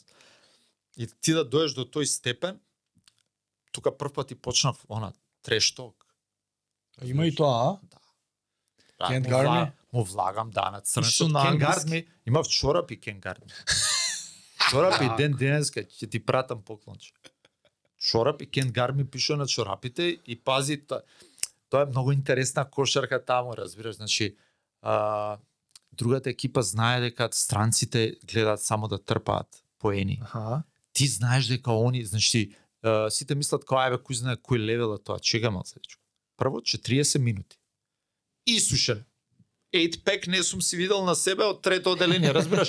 Прв пат помислувам дека може ќе се појави ти текнува. Затоа брат исушен 40 минути, знаеш што е? 40 минути Интензивно. константно напаѓаш, а при тоа мора да ги чуваш овие што тебе те напаѓаат, Да, да, разбираш? да. И затоа многу зависи од домашните. Ако имаш окей домашни, тука ќе ти помогнат у одбрана, да ги зауставиш. Разбираш? Затоа што од другата страна они им помагаат на нивните црнци тебе да те заустават. Да, да, да. И кога ти укуцаш ти хайлайтс на YouTube од Катар, брат, мене ми е срам денеска кога ги гледам. Ја пробивам таму некој, не знам, црнец, ама као домашен ми мафта, брат, со знаме да му доам сам скроз. Два дена сам, брат, рекој, не го гледам. Не го гледам, брат, затоа што тоа е. Сакаш да преживееш таму, тоа е. Да. Ја имам стално се зезам со главниот шутер домашен што ми е екипа, многу е битно да имаш и шутер домашен да не помагаат од него. Аха. Ако помагаат ти ќе му даеш он ќе лупне две тројки и после нема да помагаат. Ја него бам бам бам бам пас пас он, он ми шутира 0-6. Не може да Да. погоди базен. И као се вика и после тоа јас со топка тука некој пик играм, не знам што правам, шутирам преку двајца. Давам една, втора. Процентот на на шут кога ти имаш зелено светло е плафон. Тоа е тоа. Тоа е прав шутер, знаеш. Немој Не- ти не ова е кога, кога ти вика еј пази да не треба да додадеш, тука нема, тука паѓаат проценти кога гледаш ти екстра пас. Нема ти кога знаеш више уште од ваму дека ти сега ќе шутнеш, тоа е тоа. И овој нешто ми врти глава овој домашниот. Кога знаеш кога не сум му додал, он бил сам. Тайм аут. Мртов ладен тука и пред тој со Чаршафот. чаршаво.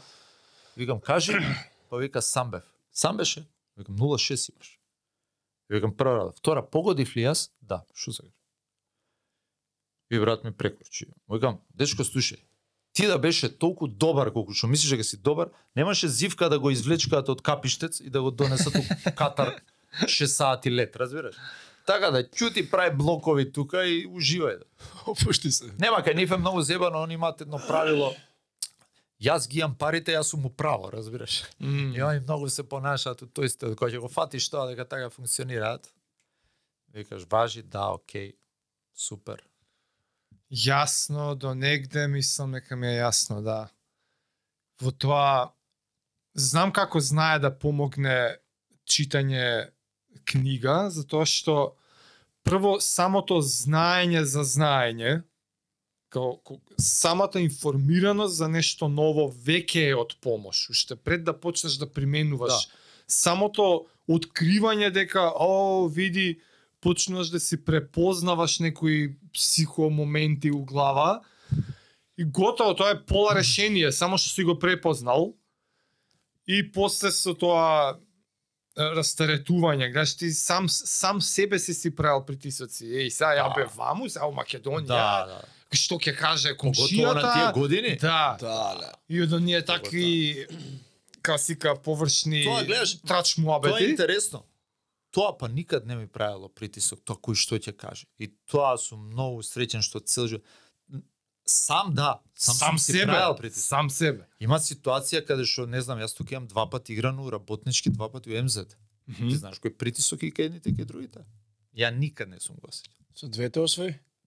Не, само со работнички таа 2009. Каков каков притисок за тука мислиш? Па, па не, са- сакам да ти кажам, е, тоа се најголеми клубови кај нас. Да. Разбираш, и само по себе имаат навијачи ово, оно, ја никад не, ме, мене би било. А Ама мислиш, знаеш, а тој аспект не те допира, окей. Многу е м, тенка таа граница помеѓу као се вика, ништо не осеќам и она као кручејето као ме заболи.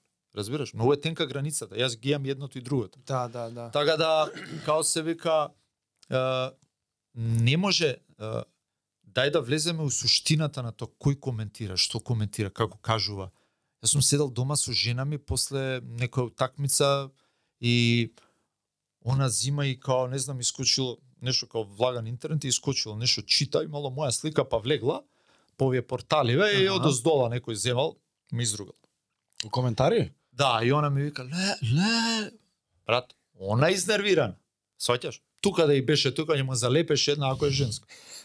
И он ми вика, ма чекај, како не те погаѓаат вакви работи? Океј, викам. Викам, еднашка, викам, ќе го разглобим ова и готово. И вика, ајде. И викам, од кај искоментирал тој? Ми вика, од Facebook. Ај влези, викам, кај него. Влага. И викам, што пишува, што работи, има ли? Вика, нема кај овој. Викам, ај тој другиот, влага напред. Вика, има ли? Вика, има. Вика, пишува работи у Еван.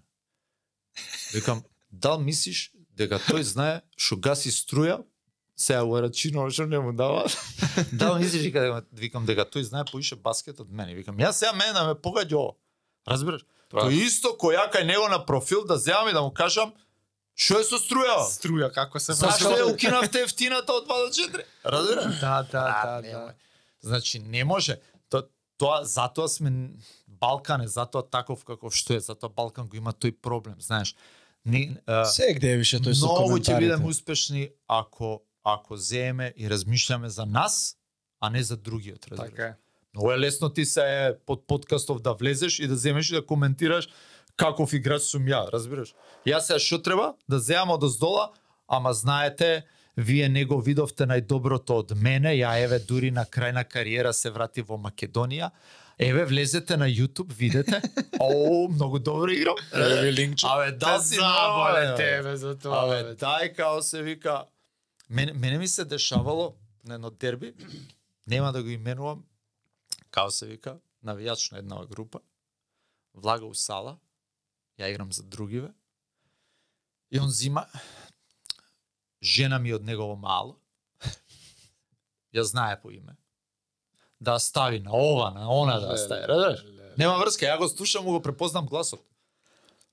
Поминува тоа. После недела дена ме гледа кај, као се викаше оној паркинг онон дека у центар, карши хотелон, кај Inn ме гледа на паркинг, Ага. ја и кумот мој, кој исто кошаркар, Грне. да и он отвара прозор и вика, кај сте легенди? И му викам, Грне, Грне, донеси го кај нас. Две легенди да имам екипа. Разбираш? А до вчера, сваѓаш? Не можеш да обреќаш паžnја на такви работи. Ако обреќаш паžnја, нема, нема да се бавиш со ова. Да. да. Нема да се бавиш, нема да ти биде. Ајде за македонска лига, како да ја правим? Не бе кажа, нема опрање. Кажам, као се вика, Не, ова со странци што ми Не, избориш. нема како се вика, нема- 20 милиарди. Знам дека си гласен дека сакаш да немаат предност Не странците. сум ја гласен, јас сум само само Односно, го, само мислење. го користам правото да кажам. Дали ќе кажам тука, дали утре некој друг ќе Не, ме не, праша. на гласен Да, да. мислам си го кажуваш мислењето јавно. Апсолутно, зашо да ќутам? Зашо ќутеле е овие до сега? Ајде ја да го чуам. Не, не, Зашто таман работа да го кажеш, него е мислењето е просто, сега, сега има, на пример, не знам, Еве, објасни го ти. сега се зголемуваат нешто странците. Про тотално Објасни да го кажам тоа дека правило со мене странци. не ме не ме дотиче уопште. Јас сум 37 години. Дали ќе ставите се 12 странци или не, ја можам сега да идам се селиме у Србија, можам да идам у Србија да играм втора лига, гајле ми е. Прекинувам, можам да прекинам со баскет. Не е решение поише странци. Зашто не е решение? Слободно нека ме побие некој. Слободно. Правилото објасни го за Правилото да стане беше јасно. правилото беше 4 странци по екипа, а, три на терен. Три на терен, да. Може да бидат, значи у секој време двајца македонци треба да имаш. Двајца А сега го направија, играчи, така. сега го направија као клубовите барале а да се Четворица, е, значи. четири на терен, еден македонец. Е, Нивното образложение на некој е затоа што играле не знам европски лиги па им требаат поише странци, а други образложуваат дека македонците многу пари почнале да бараат, па затоа и така натака. Не, Не е ли тоа вистина? Ја, Ај. За тоа кој колку пари бара? Зашо ментални играчи грдни пари зимаат. Што сум слушал, не можам да си поверувам колку брат. пари. Колку сака нека бара. Зашо му ги даваш? Така? Што мора да игра некој? Не бе брат, не мора. А мора македонец како не. Ама не бе, че ставиш деца кои се поевтини, да. разбираш и тие ќе игра, зашо му ги даваш на овој? Ти нема да му ги даеш, овој нема да му ги даде, овој нема да му ги даде, он ќе каже чекај да не се курчам ја, дајте ми помалце, така. Тоа е прва работа. Втора работа, дај ова со странци да го расчистим. Било кој симпатизер на овој спорт кој ја го играм, сега да го прашаш, кога имаше добри македонци, ќе земи и ќе почне да ти набраја. Е, ти се сеќаш сигурно. Мирза. Врба. Симич, Си тоа време, така? Так. Колку странци имаше бе душо тогаш? Еден. Двајца бре. Двајца во време на татко ми кој играше имаше двајца странци. Кои доаѓа за никакви пари, за исто ко, ко се овие. Тогаш у време кога 1000 марки беа вау, разбираш, сега доаѓаат и испод 1000 евра, разбираш. У Макдоналдс да работи неделно поише ќе земе у Америка. И доаѓаат само затоа што се многу поевтини и затоа што македонците многу барали и така натака. Еве ви го рецептот. Еве го рецептот. Не го измисли Зивче, велосипедистот и као се вика кросфитерот. Брат, го измислил некој уште одамна. Тогаш двајца батка. Па сега од човек што вози бајк да ставиш само двајца странци и да му кажеш ај ти кошарка да играш па ќе направиш играч, така? така брат, еве сега реално збориме. А нели имаше она правилото дете да игра, па не Тоа со ништо. детето пушти, тоа детето го шутира у ќош и седи ти мали 4 на 4 ќе играме. Тоа беше промаше. Тоа реално е тоа е незаслужено. Не треба дете да игра. Да. Тоа е незаслужено. Сега ова ја го зборам ако сака македонскиот баскет да напредува. Да, Разбираш? Тоа зборам. Они викаат со четири странци не напредувало, значи ништо, не? Ајде да се вратиме на поише. Не бе, ајде на помалце. Разбираш? Затоа што у тој у таа ситуација ќе играат поише Македон, какви год да се со две леви, да се со не мислам дека има многу лоши играчи, дај ги тие младите. Тие ќе мора да решение играат, да се скрати лигата малце, Да. нели се многу клубови. Не бе, нека си останат клубовите, не е тоа проблем. Нека дојдат овие децава, што играат сега до 18 години, нека играат у прва екипа. Да Па се нека- изнаиграат Разбира, нека се минутажа да. Е, брат, тоа дете од 18 години, која сега ќе игра 10 минути, за 3 години кој ќе игра со 20 и некоја 20 минути, е тоаш брат ќе имаме репрезентација. Разбираш? И тоа дете више ќе знае со кого играло прва лига тука и ќе ги знае овие другарчиња во репрезентација и тоа ќе имаме резултат. Ама еве со три странци бевме 100 години. Кого имаме ние у репрезентација како добар играч? Нено Димитриевич. Да, сега. О, пред него, Војдан Дамјан, ој, комшијата твој. Не, не се важат, они од дамна. Да бе брат, они од која 2010, влего од 11. прва, они они двајца ги знам уште кога се гледавме со репрезентација ја Србија, они они брат од која влегоа у прва лига не престанаа да играат. Да, не за Амак се брат. поиграат двајцата, па Војдан. Да брат, Киринал. игра ваму Охридче, малце ова како се вика, со Војдан мене малце. тренираше. Брат, не престанаа да играат. Тоа е мора да играат. Да, бе, јасно. Тогаш нив некој им дае шанса. Колку странци имаше тоа? глеј се ти ова. Болја репрезентација од Македонија у баскет е Тунис. Не, не се зебам, брат. Тунис, Тунис сега 20 разлика е болја. Ја играв у Тунис. Болја репрезентација од Македонија е Египет, брат. Баскет. У Тунис имаш еден двајца странци, еден на терен.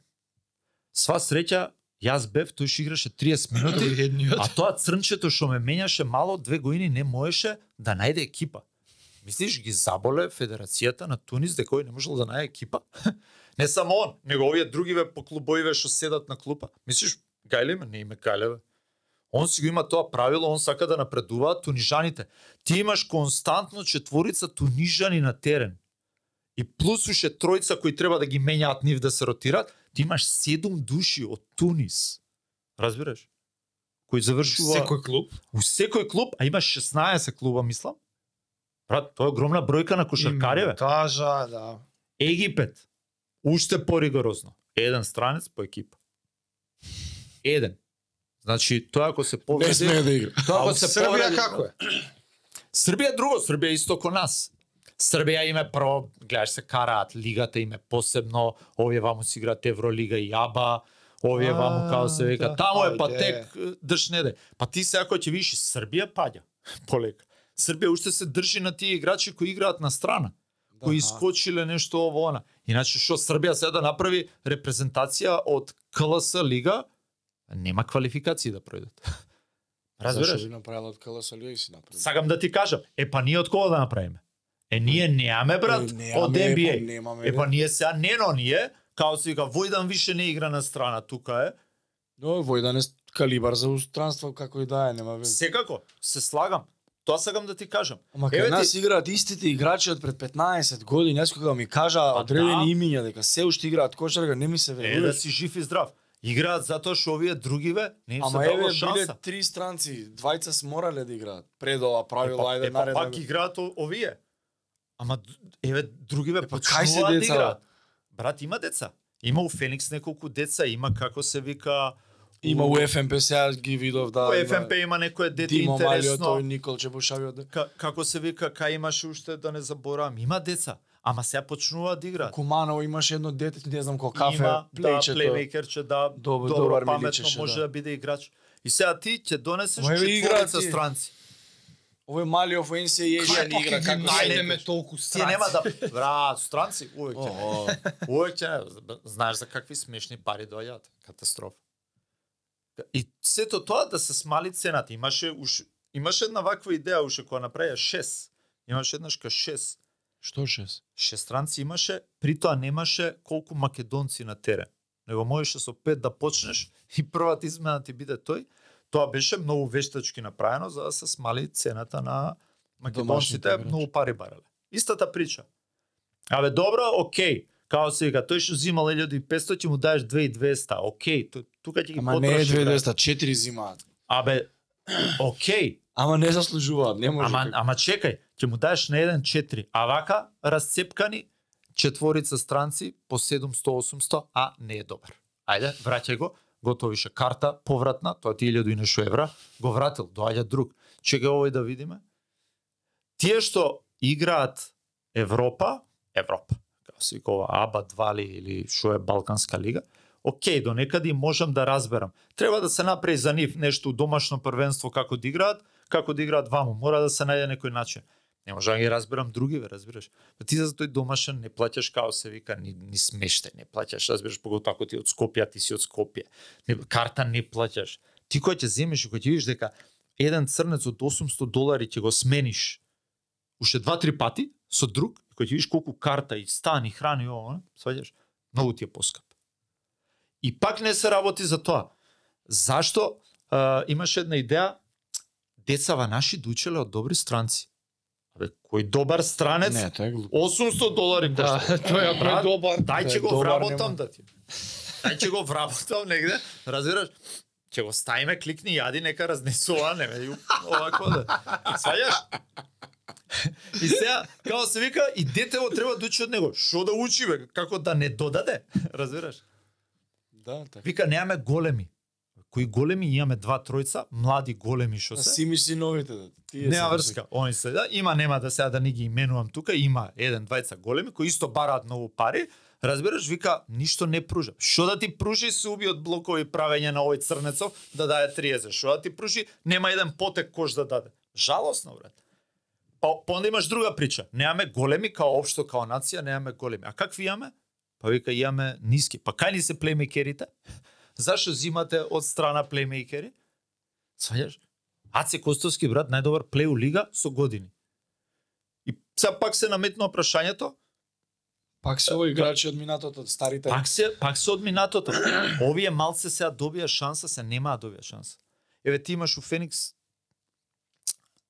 три талентирани деца.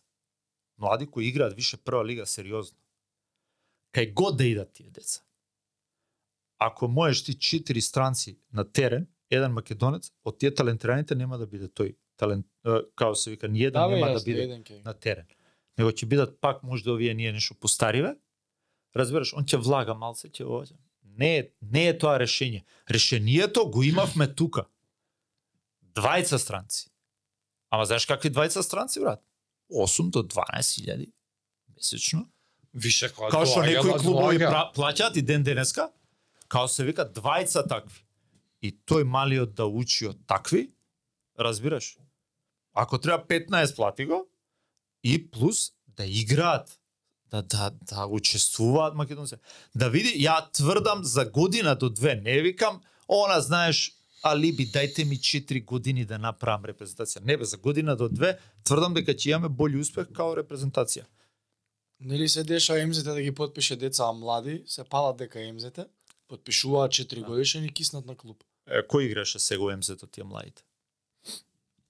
Играше оне као се вика, овој фудбалерско што има презиме. Пандев тој. Не го знаеш? Па еден од најголеми таленти, така? А не го знаеш. Високо дете, така убаво изгледа, као се вика, еден од најголемите таленти у МЗ игра, МЗ си брка резултат, што е нормално игра Да. ваму, игра таму. Тој не игра, еве малце нешто Ојан Доновски проигра на крајот, кога се сменија тренериве. МЗТ им подпише двајцове Димо и Никол Чемали у ФМП што беа што ги тренирав. Така. И ги пушта во ФМП, во ФМП они солидна минутажа си има Симич. Треба да 20 играат. минути. Супер.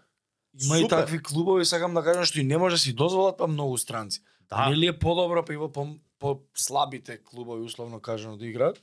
Еве ти, ти ти имаш блиско овакво со ФМП. Тој тој ај тој бекот тој беше окей, тој црнецот. Чендлер беше криминал. Тој другиот брат, што ќе кажеш? А? Што ќе кажеш бе, дечко? Брат, Боже Не ме да- сачувај. И он игра затоа што не се меша му политиката, ги знам таму и овие што се дуправа и тренерот, не уништо не се меша. Не може тој таков да зима место на некој наше дете.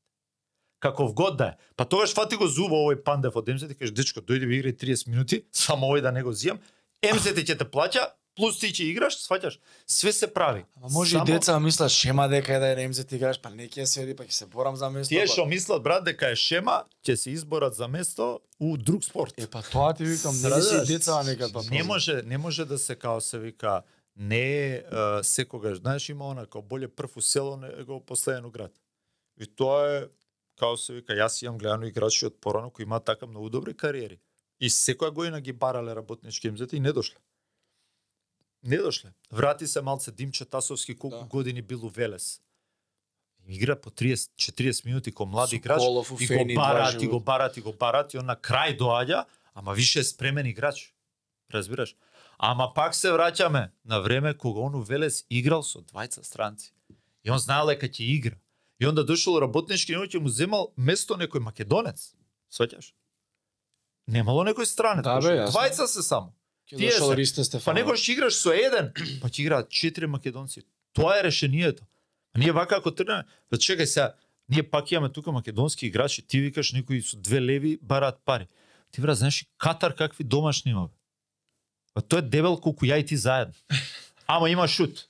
И го ставаат у ќош, за ако помага некој да му ја даш, да шутне. И, и они од тројца на двајца странци смалуваат. Катар. Не можат некад да соберат седум души у екипа. Разбираш? Јас Седум души не може да соберат да почнеме такмица. И, и сега што треба да чекаме и Катар да дојде пред нас. Па, може и Ние да да се крстиме брат, Нено Димитриевич, Нено Димитриевич има градено кариера у странство. Значи пак све се сведува дека репрезентацијата ќе ја држат тие што што имаат у странство, пошто овие што се дома. Океј, пошто овие што се дома, освен Шпанија, пошто овие што се дома, еве ти сега Джикич имаше, Америка да ти. Джикич имаше многу паметно кажа за за шпанците. Вика Шпанија не е земја која ги плюка своите, разбираш? Не е земја која која ги уништува своите, него све им дава на своите. Затоа и враќаат. Да. Затоа што тука си играат. Зашо тој да иде, зашо Љулј да иде било каде? Цел живот у Реал. Тоа им го кажа на израелците, пошто не тренер сега у Израел, па им вика зашо Мадар да иде у Партизан? Зашо тука Макаби него не му даде, еве ти играј. Макаби има, знаеш колку странци има и економот им е странец, брат. Макаби има некое лошо правило, нешто за секој е, странец, ако е американец, земјата има такво правило, не се плаќа на платата негова данок. И они се само американци. Кажи ми, ако смеам малце да сменам тема, а, со професионален спортист, секогаш ми е така, ме интересира да знам што после кариерата. Имаш планови, имаш... Зависи.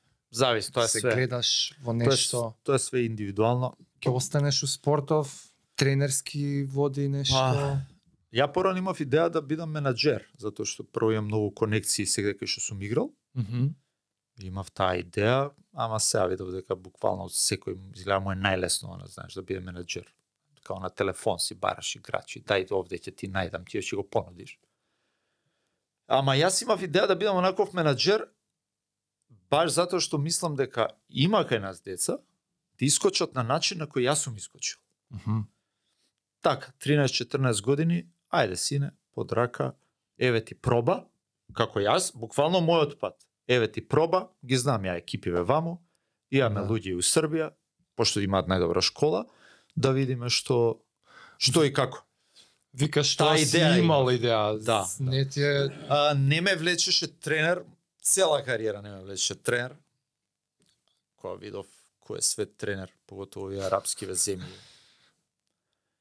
Катар стана, Катар беше порано 2018 нема, таа 13-14 беше за играчи лудило. Лига. Многу пари. Сега лудило за тренери, имаат закон, кај што секој тренер на прва екипа има 6000 долари плата на 12 месеци. Лигата трае 6. Опа. Разбираш? И таа е сега многу јака лига за тренери, разбираш. Таму да отидеш 6 месеци си работиш, после тоа нешто дечиња. Ово, она. Јас. Ти даваат месец дена да искочиш од земјата, тоа што е најжешко веројатно ќе се отидеш. Мада имаат они таму екстра како да живееш по молови, како да отидеш у мол и да изгубиш цел ден у мол. А, и таа стана лига за тренери, има многу такви као сега кои гледам дека разбираш поима немаат, знаеш. Чекај сега, рано ти е уште да размишташ за што после или оставаш... Многу добро се осеќам. И затоа уште размишлам за себе си како играч. Јасно. Искрено добро се осеќам, разбираш. А, јас знам на заебанци ја кажам се дека куцам, нема да престанам.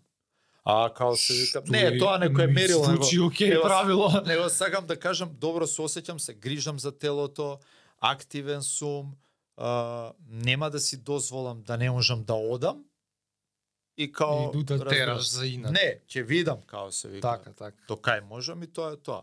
Се уште се гледам кој играч. Никогаш и кога сум бил млад играч не сум ја поштувал таа граница. Знаеш, кога никогаш не сум ги делал. Да, па не сум ги делал играчите на млади и стари. Никогаш. Да, да. Или си добар или си лош. Разбираш? Ја го можеш да придонесуваш. Така, ако правиш разлика негде, ако можеш да помогнеш, било каква улога, било кој рол плеер ти одговара Да, да, некаде, да. разбираш, со искуство да помогнеш. Немам проблем со тоа. Разбираш, поготово што сега не ми се нешто ни финансиите како превасходно, ама ми се игра затоа што добро се осеќам. На крај крајава јас сакам кошарка. Си го сакаш спортот? Ако оваа година не докажав дека ја сакам и дозволив на Куманово да ми останат седум плати дужни, па кога ќе докажам, разбираш? Ама, ги поздравиме и нив. Ќе ги земе. Голем поздрав. Што е со парите, кај е ваучерот? Друже, фала ти ептен. На дека ние може вака да си тераме Да, увек 100 има. Не, не сати. чека попај, знаеш. Слободно. Не, како и секојаш многу многу поштоем, многу поштоем про спортисти, ми, ми откриваш така нешто Фала што може и јас сум го имал како желба цел живот, не сум го осетил до тоа ниво и убаво на мене ми прави на душата кога ќе чујам дека некој друг си го нашол патот успешно, ти си си среќен, ти зрачиш позитивно. Апсолутно. Ја ја тоа највише го го го, го почитувам као пример за наредните, оставаш позитивно. Па се друго на страна, бар тоа. Пробувам. Оти смрзам да да снема спорт. Ја ја бев долго време во атлетика. Имаше години кога буквално имаше страв дека спортов како спорт може да го снема. И тоа секогаш се случува од негативни причи, од негативни примери, од не знам што. Вака со ликови ко тебе, бар има надеж дека нема да снема кошарката. Колку и да се никакви условиве, се дур постојат ко тебе луѓе, Фала ти. бар ќе има дале. И мене Јас тоа ми е, да е жив спортот. Се се плашам дека тоа баш баш тој твој страв дека сме многу блиску. Тоа ме тоа ме плаши. Тоа ми дава на пример, затоа сакам да покажам позитивна страна затоа што ме плаши дека стварно може да дојде до тоа. И тоа пази, ова го плаши некој кој више завршува пе крај, разбираш? Што станува за овие што почнуваат? И па за тоа, за тоа е убаво што си тука, за тоа е убаво што споделуваш, за тоа сум ти благодарен многу и се Фала и надевам ќе имаме пак прилика, мене многу ми се прават ваки муабети, ама Кога ќе, ќе мора да затвориме оваа епизода. У твојот подкаст. Да, да, може и јас ќе направам, па ќе викнам вас Ај, може. за ја да зборам. Да, да, да, да, ние ќе те прашуваме. И ќе почне подкастот и да продолжиме. Не ви кажам. да, да, да, да. Кај Уште ова студио не ви кажам. Е, па супер, фала уште еднаш, поздрав до некој нареден пат. Фала ви на вас. чао, Фала. Зивка, чао. Чао.